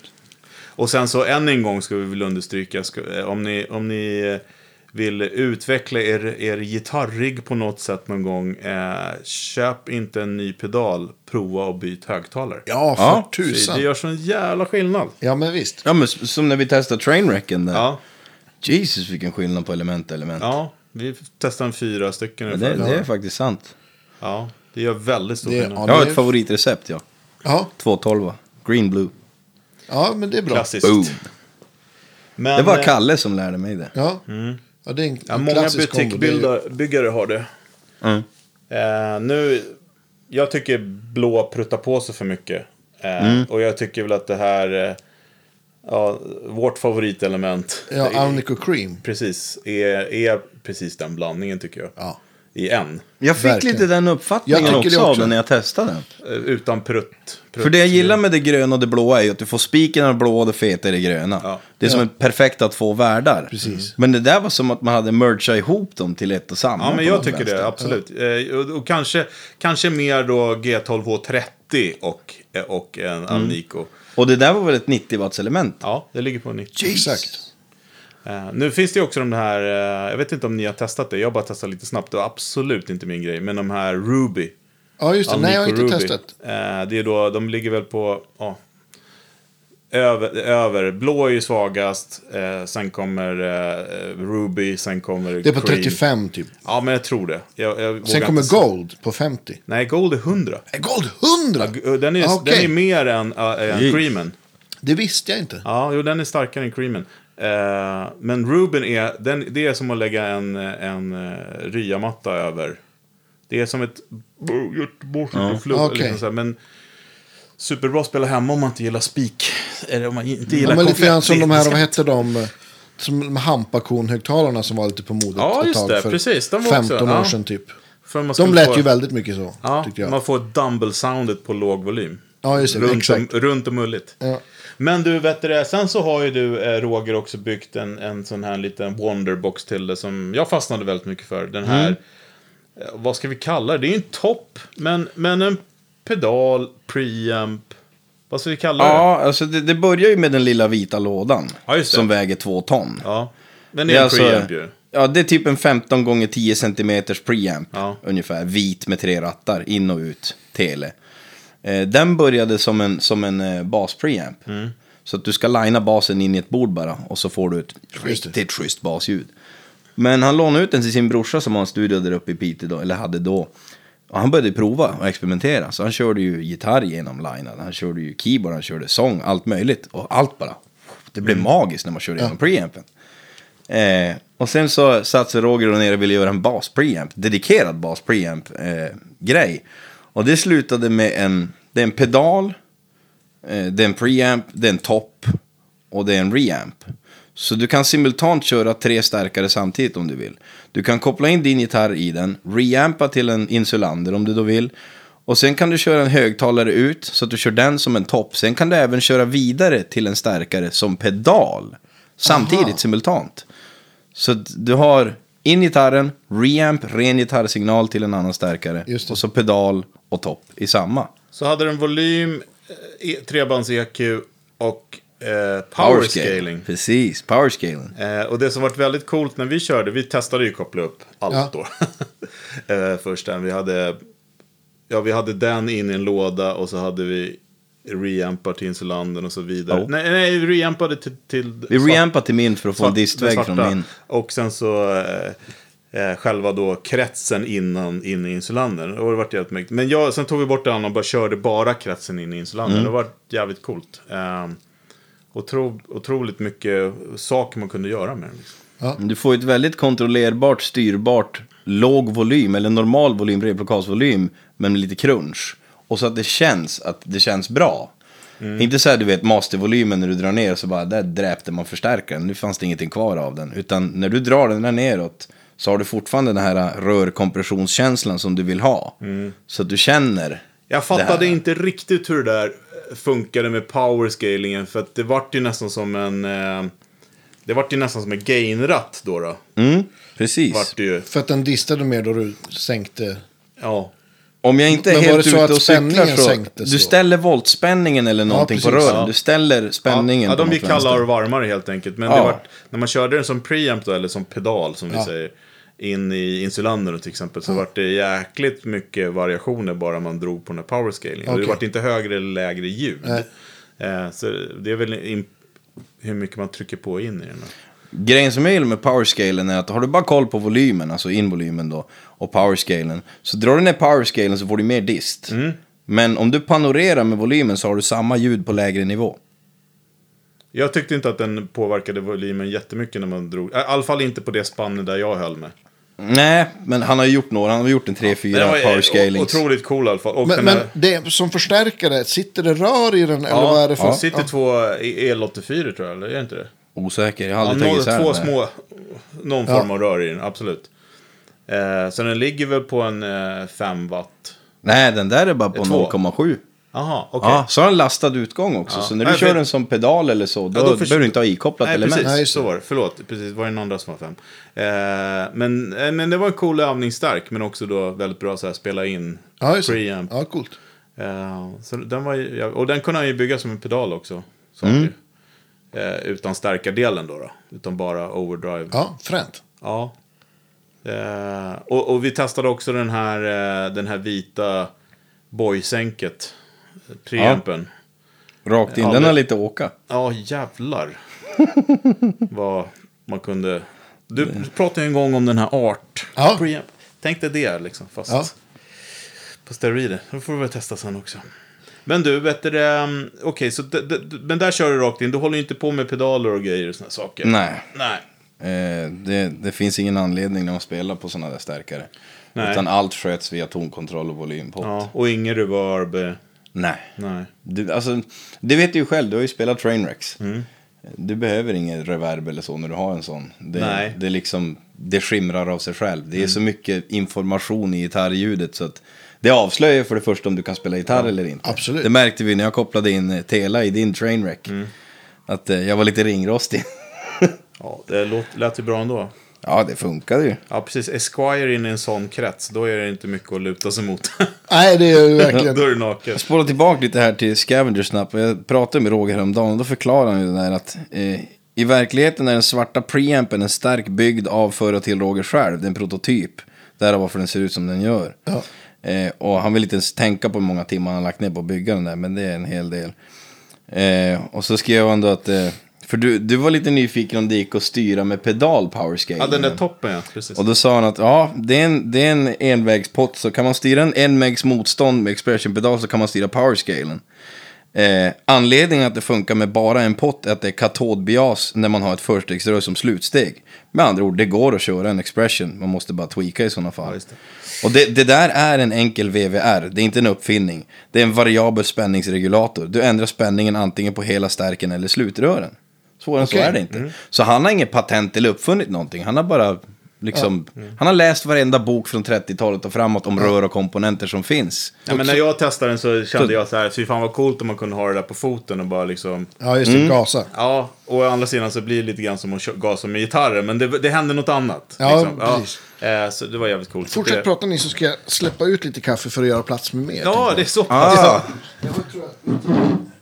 Men vad heter det, vi behöver komma in lite grann på det här med, med, eh, sorry. med gitarrer. Lite mera. Det är Akigurerna, vad, är, vad har du med förutom Ibanesen nu då alltså, i stallet? Du har, har du kvar Hummingbirden där? Jag har en Hummingbird eh, True Vintage hette de då, 2013, 12. Den, eh, den guran, eh, det var ju när jag hade startat musikaffären så skulle Gibson utbilda alla sina nya dealers. Okej. Så då flög de ner mig där och, på en utbildning och så hade de Jeremy som han hette som var ansvarig för Aki-avdelningen och det var en massa andra där också och butiker. Och så stod ju då alla demogitarrer, elgitarrer, Aki-gurer där. Så står det en röd Hummingbird där som jag får så direkt öga på. Jag bara shit vilken vacker gitarr. Går fram till den och börjar spela på den så sitter jag där. Ja det går säkert en timme så kommer Jeremy fram och så säger han du har redan namngett den där va? Jag bara ja det kan du ge dig tusan på. Så ja, det, det är så att det här är ju våra demogurer som vi åker runt och liksom, ja men visar på NAM och visar på Frankfurt Mm. och sådär. Så, men jag ska se om jag kan eventuellt lösa något med Chris så att du Mm. kan få ta hem den där. Ja, det, annars så får jag typ springa ut eller någonting. För den här släpper jag inte. Nej. Och så ja, gick det ett tag så sa han att det, vi löser det där. Ja. Ja. ja, men det är schysst. Döpte den efter en tjej som jag var kär i förr i tiden. Och vad heter den då? Martha. Ja, såklart. Härligt. Härligt. Men, och, och har ni med andra akustiska gitarrer? Ja, det var en svart Johnny Cash, nummer 50. Den sista producerade första året de släppte dem. Jaha, Eh, okej. D35. Ja. Jag träffade Martin själv på Frankfurtmässan för några år sedan. eh, Och så, jag såg att han stod i monter, så tänkte jag, hur ska man gå fram och prata med den här snubben? Det är Mm. chefen för Martin-fabriken, största gitarrmärket i världen för Akigurer. Vad säger jag? Mm. Så snabbtänkt som jag är, ja, nu har jag det. Går jag fram till honom. Hej, mitt namn är Fredrik Lumman. Jag skulle bara vilja börja med att tacka dig för de mest fantastiska åren med den här gitarren och den mest fantastiska gitarr jag någonsin hållit i. Bara så här, bryta isen lite snabbt. Han bara, ja men det, det är jag som ska tacka. Ja. Vilken humble person alltså. Det är jag som ska tacka dig, det är inte du som ska tacka mig, säger han. Eh, men jag måste bara få fråga, vad är det för gitarr du pratar om? Eh, det är en Johnny Cash D35 Commemorative från, från eh, 2006, eh, nummer 50.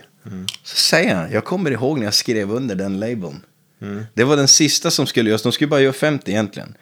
Men de fortsatte producera, de har ju gjort flera tusentals nu. Det finns ju nummer 1569 nu, men jag har nummer 50 som var första, eller sista, det första året så att säga.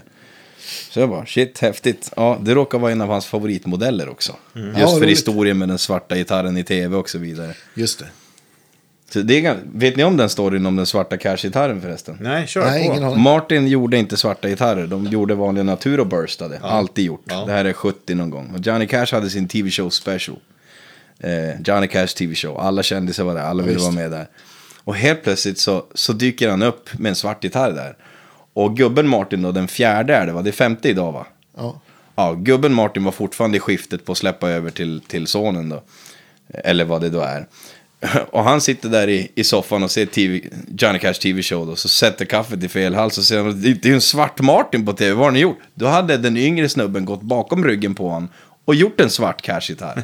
För Cash har förmodligen inte annars spelat på Cash något ville annat. att den fjärde skulle göra en svart, men han sa nej, vi gör inte svarta gitarrer. Ja. Och på något vänster dök det upp en svart ändå. Så det var den, en D35.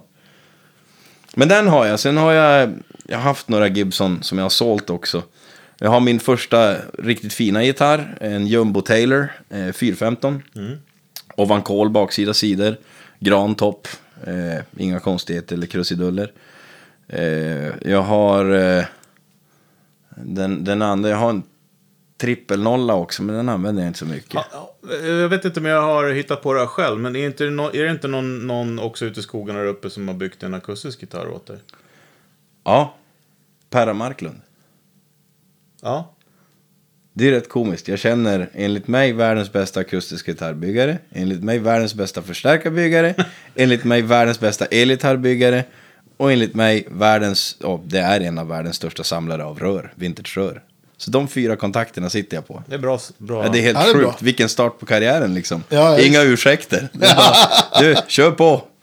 Inga ursäkter. Ja. Nej, men i alla fall, eh, Perra är en gammal polare till mig. Perra Marklund då, i Övik. Eh, vi det är satt inte en... pennperra. Nej, det här är en helt annan. Han är betydligt yngre. Han är väl runt, eh, en lite äldre än mig. 30-ish. Eh, och vi satt på nyårsafton för snart tio år sedan eh, i Kittelfjäll. Så säger han där, lite lätt lullig, fan för jag ska ta och börja bygga gurer. Jag bara, men herregud, nyktra till nu. Lugna ner det. Eh, för då, då spelade han lite för skojs skull, sådär, hade några gurer. Så, men han, han blev tvärintresserad av att bygga gurer. Så går det två år. Och så får jag prova den första guren han har byggt. Jag bara, shit, det här var ju bra. Nu sitter jag tio år efter och han tar mellan 90 och 150 000 för en gura. Och han shippar worldwide. Han har, tror jag, fem års kö nu. Eh, det är full rulle. Shit. Och hur han har gjort det. Extrem entusiasm, 110% och rätt forum. Martin Guitar Forum, han har ju gjort en Ah, tråd okej. där bland annat. Där ta- kan ni kolla Martin om vi kan Guitars. få med han i podden. Det var ju jättekul. Klockrent. Visst heter det The Unofficial Martin Guitar Forum, UMGF eller sådär? Ingen aning. Inte någon. Ni har aldrig hört talas om det? Nej. Ja, men om, om ni surfar någon gång kan ni kolla The Unofficial Martin Guitar Forum och så går ni in på Marklund Guitars. Så har han Ah, en tråd där med det han bygger. Och det är Martin Style-gitarrer han bygger då? Ja, han bygger exakta på spes, men med någon tweak av sig själv. För jag vet att de, de är ljudkanoner, alltså de låter någonting. Och det, han har ju börjat få ut till worldwide folk nu, alltså bluegrass-personer. Ja. Skulle inte förvåna mig om han har sålt snart en till Timinski. Ja. Han bör prova en, verkligen. Den som jag har, det är nummer 006. Det var den första ever 100% authenticen han byggde. Okej. Which is gonna be collectible in the future. Ja. det är min pensionsförsäkring. ja. Eh, Det är en, trip, en eh, Dread 18, 37 spes, Ja. Ebenholt och Granum och Ogny. Åh, vilken ljudkanon. Och då var det första. Coolt. Det han, det han bygger idag, det, du kan inte ens föreställa dig hur det låter. Det är helt bisarrt. Det får vi hålla ögonen på. Övik. Ja. Kolla in Marklund Guitars på, Marklund Guitars, på eh, okej. Ja. Facebook och Instagram. För att se bilder där på sakerna. han har gjort. Han har gjort en 45 bland annat. Och inläggen, alltså det är som precision. Ja, nice. Hantverk alltihop, inga maskiner eller så. Bara gamla maskiner liksom. Mm. Som det ska vara. Jag vet, han åkte iväg två år som lärling till Blazer and Hanks i Tyskland. Och de är en av världens största custombyggare. De har ju tio års kö. Ja. Och de sa själva att du är framtiden, ska du bara veta. Ja, så, så duktig tyckte de att han var. Och, och svenskt trä då? Eller? Eh, nej, han Nej, köper inte- ju från inte- samma som inte alla andra. Det är ju, det är ju något sånt här, det är Engelman gran och. Engelman gran och det är ju, han jobbar ju mycket med brasiliansk rosenträ också, Ja, certifierat. Och, och lite av varje sånt där. Jag har inte koll riktigt. Han har gjort en, en av Rönn bland annat för skojs skull som är från Kittelfjäll. Ja, vad coolt. Och så, ja, jätteroliga grejer. Rönn är ju väldigt hårt också. Ja. ja, den är skitfin den gitarren. Det blir bra pilbågar över den. Ja. Jag byggde en gitarr i slöjden som har rönn i sig. Är det så? Jajamän. Ja. Den står där inne. Så, det- den Ja, måste vi få kika på Ja, sen. Verkligen. Absolut. Bör du halsen är rönn eller kroppen? Nej, en, i mitten på kroppen är den. Ja. ja. Jag byggde en också, fast den var ju, det var ju plywood. Det var ett V. Ja, väldigt tufft. Ja, Just det, jag har också byggt en gitarr. Men den finns inte kvar. Eh, morfar sågade ut den i masonit. Ja, Och så målade jag den. perfekt. Ja. Masonitgitarr har jag haft många. Jag, jag, jag, Men det var inga strängar, det var bara en träplanka. Framgångsrikt eh, Kiss eh. Ja, Då Ah. hade man ju yxan. Jag var i jeansim och Ja, det. sprutade Ja, blod och grejer. Och...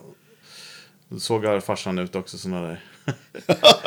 men men, men okej, så att- men eh, superspännande. Nu måste vi kolla upp. Ehm, och sen så då eh, glider vi in lite grann på penn då igen. Ja, men precis. Hur träffades du och Perra? Jag och Perra träffades efter att jag hade gjort ett gig med Nanne Grönvall, eh, ett arenagig i Piteå på LF Arena. Eh, då lärde jag känna en scentekniker som heter Börje Westberg. Eh, Börje Jim Kaddick idag. Eh, och eh, eh, jag var på väg att köpa en vintagegitarr då, så en typ 50-60-tals tele. Jag ville ta det steget mot vintageträsket. Och då sa han att innan du gör det så, så ska du få telefonnummer. Du måste åka till Norsjö och träffa en person som heter Perra. Eh, så att jag, dampig som jag är, så åkte jag ju direkt. Ja, såklart. Jag bara, men jag måste ju träffa honom. Så jag ringde honom och så bestämde vi en tid. Åkte jag dit. Och eh, the rest is history. Ja. Han är en av mina närmsta bästa vänner. Han bygger de bästa gitarrerna i världen. Eh, more can I say? Ni som har chansen att få prova en kommer att fatta när ni väl får prova en. De talar för sig själv. Så det. var ju första gången vi sågs IRL. Mm. Vi var ju kompisar liksom online, förmodligen Facebook tror jag det var då. Mm. Eh, och så skulle jag spela i, i Luleå på, ja men vad heter det, konserthuset där. Eh, Konsert och kul- kultur, eh, kult, ja, Kulturens hus. Kulturens hus, ja precis. Så heter det, va? Men en, en grej som jag gjorde då som hette Nashville Country Nights. Som var Yeah. så här, ja. Det var countrymusik. Med, vi var svenskar och amerikaner. I alla fall. Så vi, vi hörs innan och så, och så bestämmer vi att ja, men kom, eh, kom innan soundcheck. Och så kommer, kommer Fredrik med, jag vet inte, sju, åtta gitarrer tror jag. Jag hade några stycken. Ja, och tror jag tre, tre, kanske fyra Telecaster, jag kommer inte ihåg. Bland annat en blommiga och, och, Tela. och koppar.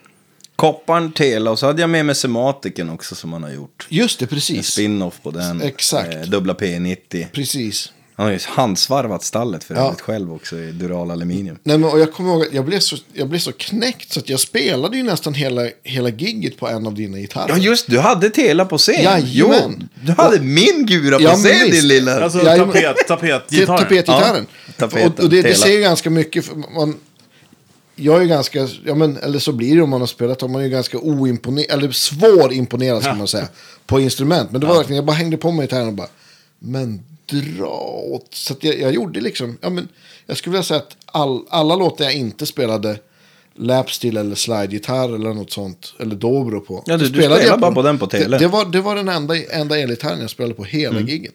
Och då hade jag liksom känt på den lite in, just innan soundcheck och, och blev Mm. helt knockad. Så det var, ja, det var coolt. Så det var, det var så vi lärde känna varandra också. Ja, det stämmer. Jag, jag tycker det är så häftigt för oavsett hur mycket man höjer Perra till skyarna och hans gitarrer, Pen Guitars, så, så när, man, när man får en gitarr i handen, som man, om man aldrig har provat den då, så spelar det ingen roll hur mycket du har skrutit upp dem.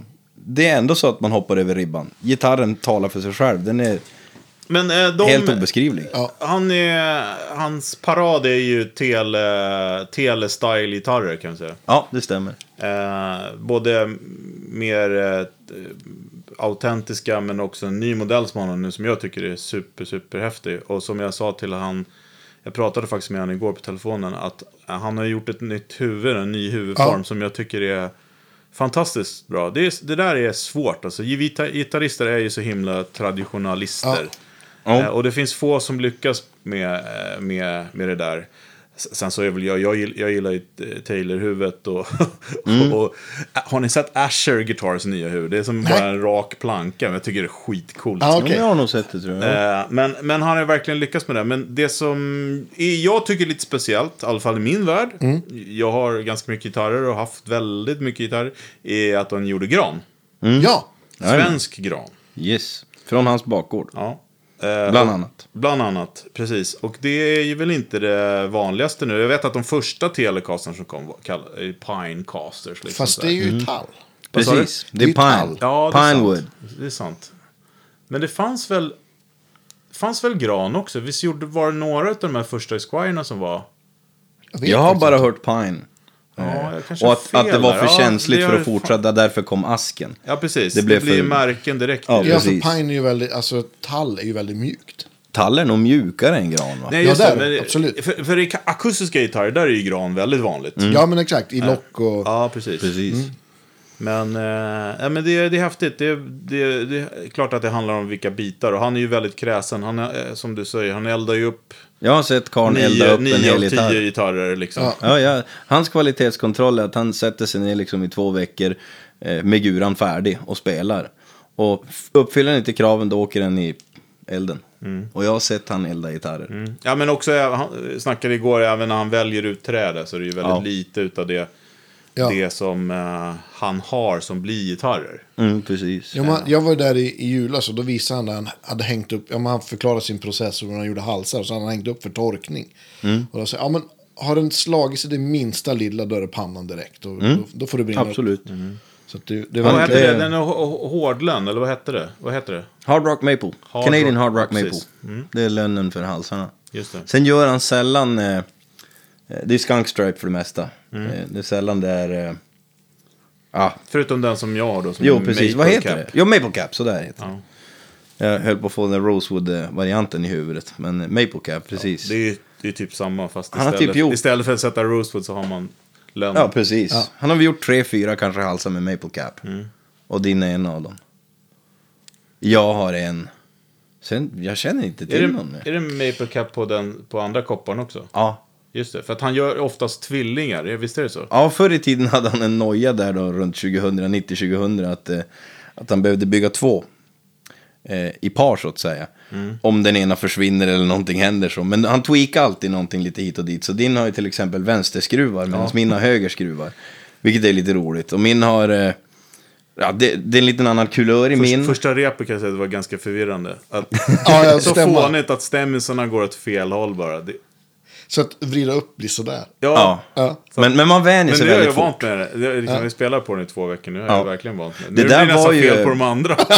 Det där var ju Perras main-gitarr i över 15 år. Han byggde den 2000 eller 1, 2, 3 och sånt där. Ja. Och han har haft den på vartenda gig tills dess att den bytte ägare till mig. Mm. Och det är två, tre år sedan jag köpte den gitarren tror jag. Eh, Mm. Det är så superkul, du, du, han har ju ganska lång väntetid om man, om man Ja. beställer den. Det, det är väl den enda nackdelen med custombyggare, att det tar ett Ja. tag. Men, men den, för din, det har blivit din main-gura, Andreas? Ja, absolut. Mm. Jag vet inte hur länge jag har haft den, det kanske du vet. ja men 15-16 tror jag du köpte den och sånt där. Ja, exakt. ja det börjar vara 25, fem år Så då. jävla länge Ja, alltså. men jag Ja, tror något det. sånt där. Något sånt där. Det var ett tag sedan. Jäklar. Jag hade gissat på två. Men av alla, av alla Perra, så den han sitter på, det är, det är the mother of all. Förutom en. Och den jag bett Perra testamentera mig när han går Ja, bort. just det. Och det är the butterscotch. Den har tejpat, silvertejpat jack bland annat. ja, okej. Den står i vardagsrummet, så när du är förbi nästa gång så Ja. fråga om du får känna lite snabbt på den. Ja, men jag spelade på allt som stod i vardagsrummet sist. Ja, men då har du provat butterscotchen.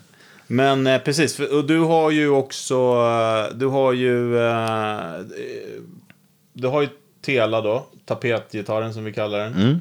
Och så har den här kopparfärgade med svart plektrumskydd kvar då. Kopparettan precis. Ja, och och första sen- Perran jag köpte var det. Precis. Men sen så har du ju också lite andra modeller, bland annat som du har, jag såg någon gång med, med det var liksom inbränt på den, eller vad ska man säga, vad heter fan Ja, jag har, jag har en vad, vad strata heter den från... eh, tekniken? Man gjorde träslöjden, man brände med sin penna.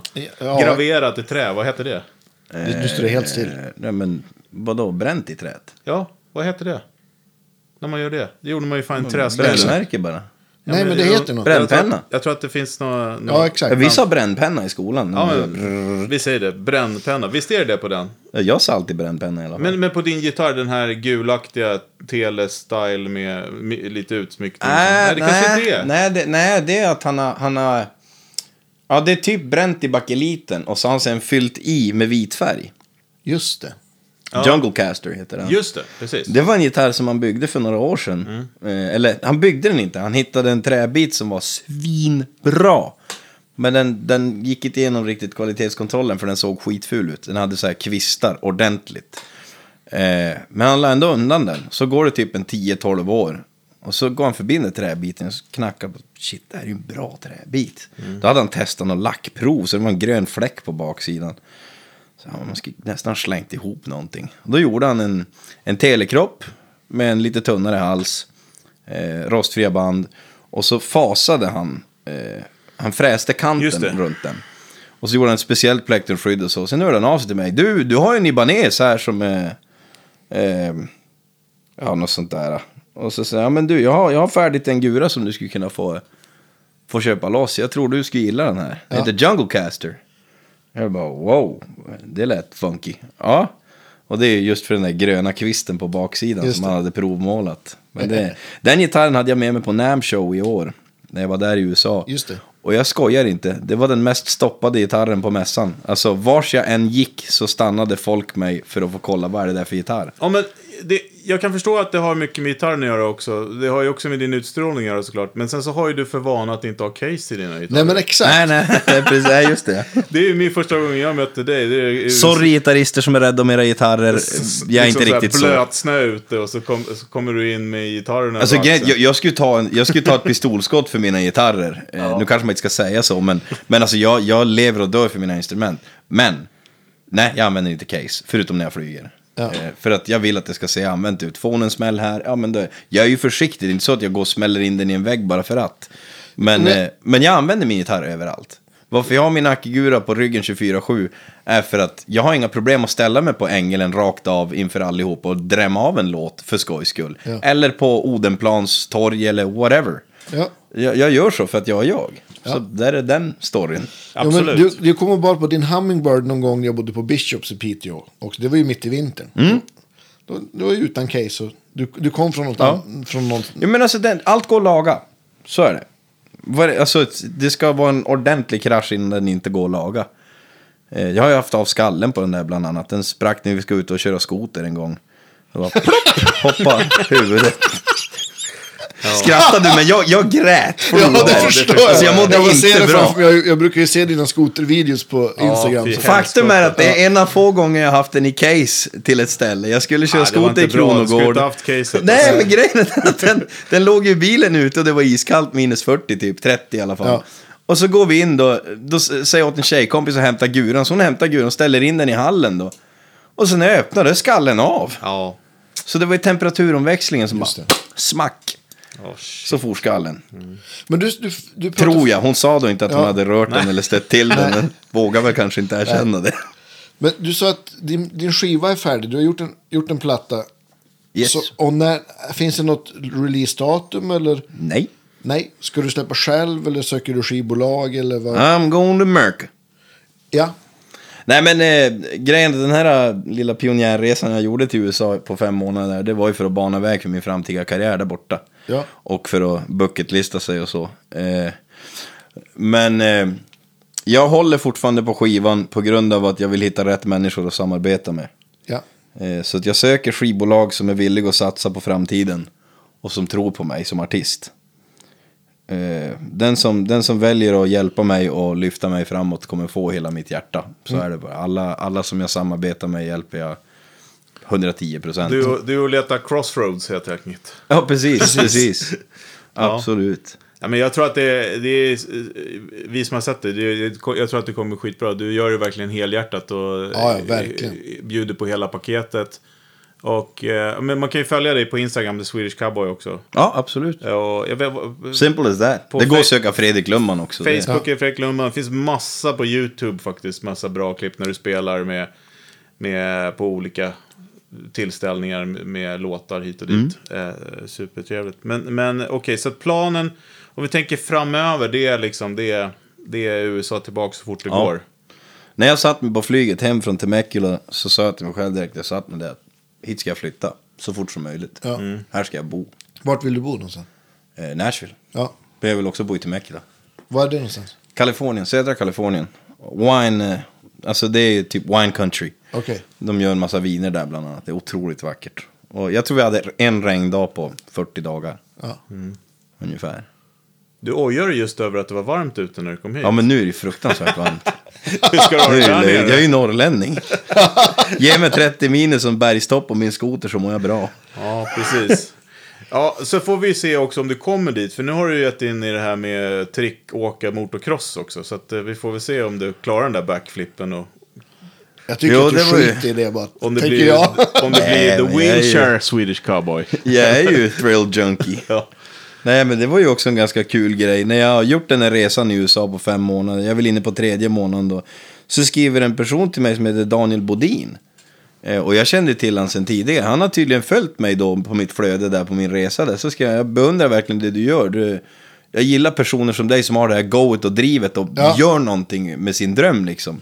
För han är likadan själv. Han skulle inte ha kommit dit han är idag med två världsrekord och fyra X-games-guld och allt möjligt sånt där. Han om han inte han hade kör haft som det drivet. trick-cross. Ja, Alltså han, han bjöd in mig till Kalifornien, så om du någon gång har vägarna förbi så hojta till. Och då var Jag jag, på kommer, slut... sa du. Ja, men jag var på slutet av resan, jag skulle Ja. åka hem.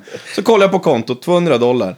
Eh, det kostar 120 dollar att åka till Mäckila. Du, jag kan vara där om två dagar.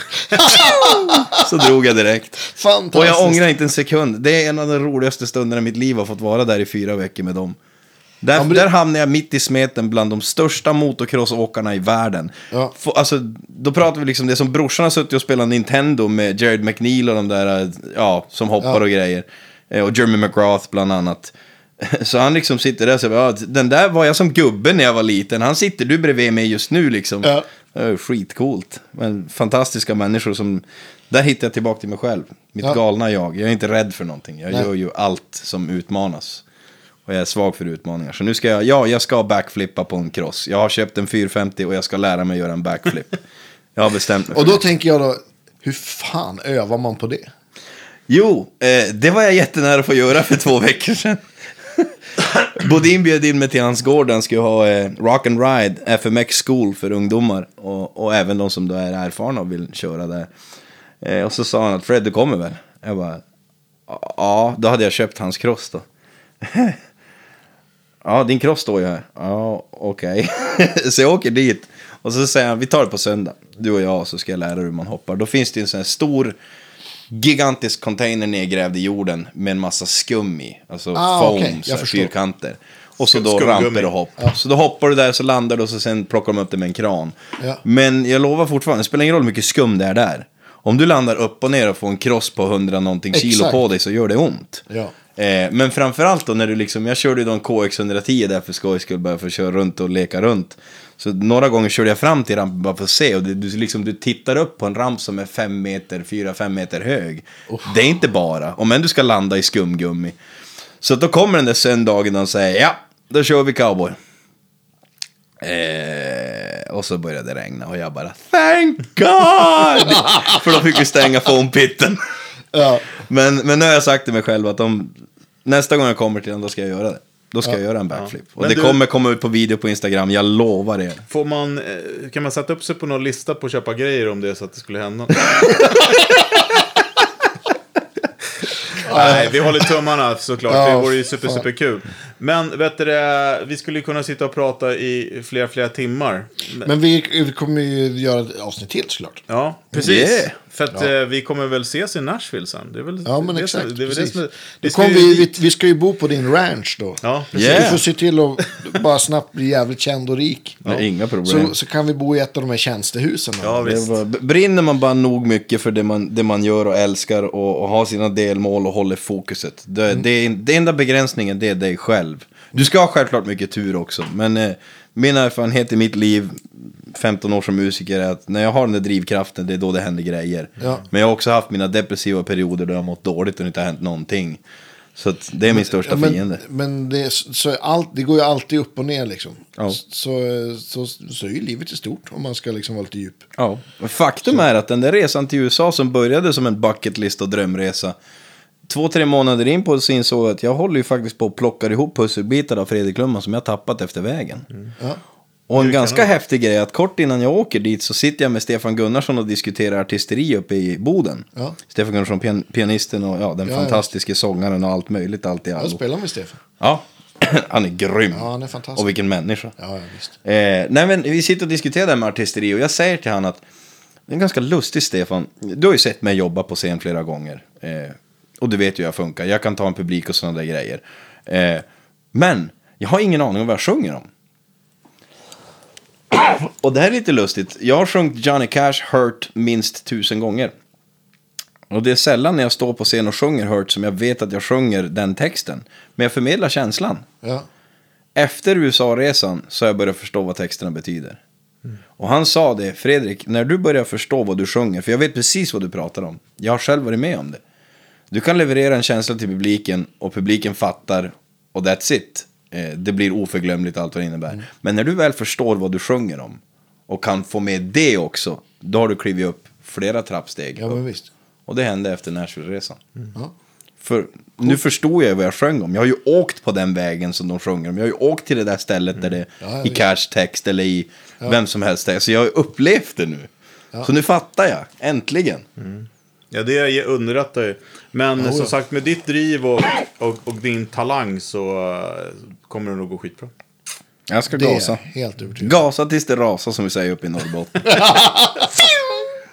Bra. Jag ska- See you in Nashville då! Ja, precis. Hell Men yeah. eh, du, du eh, startade ju eh, programmet. Jag tror att du får stänga det också då. Är det så? Ja, äran. Ja, alltså vi har ju den här som vi alltid ställer. Vad är den sista musikpryl du säljer?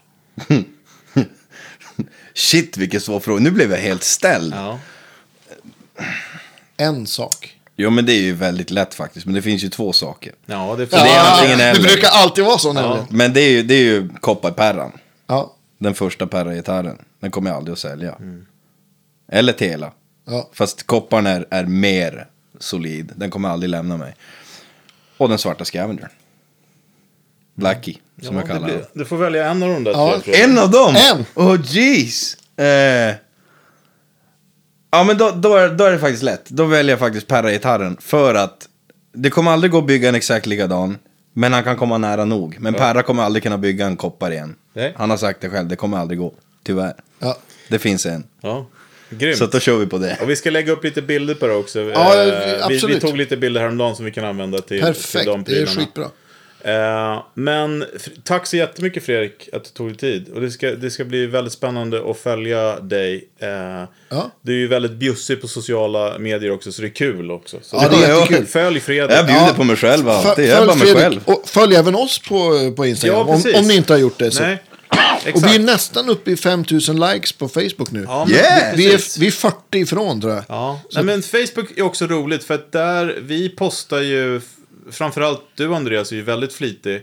Eh, och varje gång jag hittar någonting så går jag in och kollar på den här schemaläggningen där och då ligger du ju redan där. Vad fan. Vi kollar på samma Ja, YouTube-kanaler. Nej, men vi försöker ju dela med oss av saker som vi Ja, men tycker visst. är relevanta. Och, så, och det, det är inte bara, eller det är väldigt lite av det vi gör som vi lägger upp där. Utan det är ju mest nya avsnitten såklart. ja, men precis. och så, Annars är det mest, mest gitarr-content. Ja, men när vi hittar någonting som man tycker man vill dela med sig av. eh, jag kan rekommendera nu den här That Pedda Show senaste. Jag vet inte. Som har, du la upp, ja. Har, du- har du hunnit- titta på den? Nej, jag, har kommit, jag har kommit fram till att de har visat riggarna för varandra men inte spelat den. Nej, då ska jag inte säga någonting. Ah, Okej. Det spoilar för mycket. Ja. Titta på den. Otroligt spännande hit och dit. Men tack så jättemycket Fredrik Stort tack för Lundman. Eh, vi följer dig. Tack våra Patreons. Eh, Ja. och gå- Kaffeköpare, Ja. swishare. Precis. Alla, och tack för alla som, eh, som eh, också tipsar om gäster. Det tycker vi är jättekul. Ja, superbra. Tack Och- själv förresten. It's been a pleasure. Thanks awesome. man. Ha det bra! Hej! Remember y'all, stay country.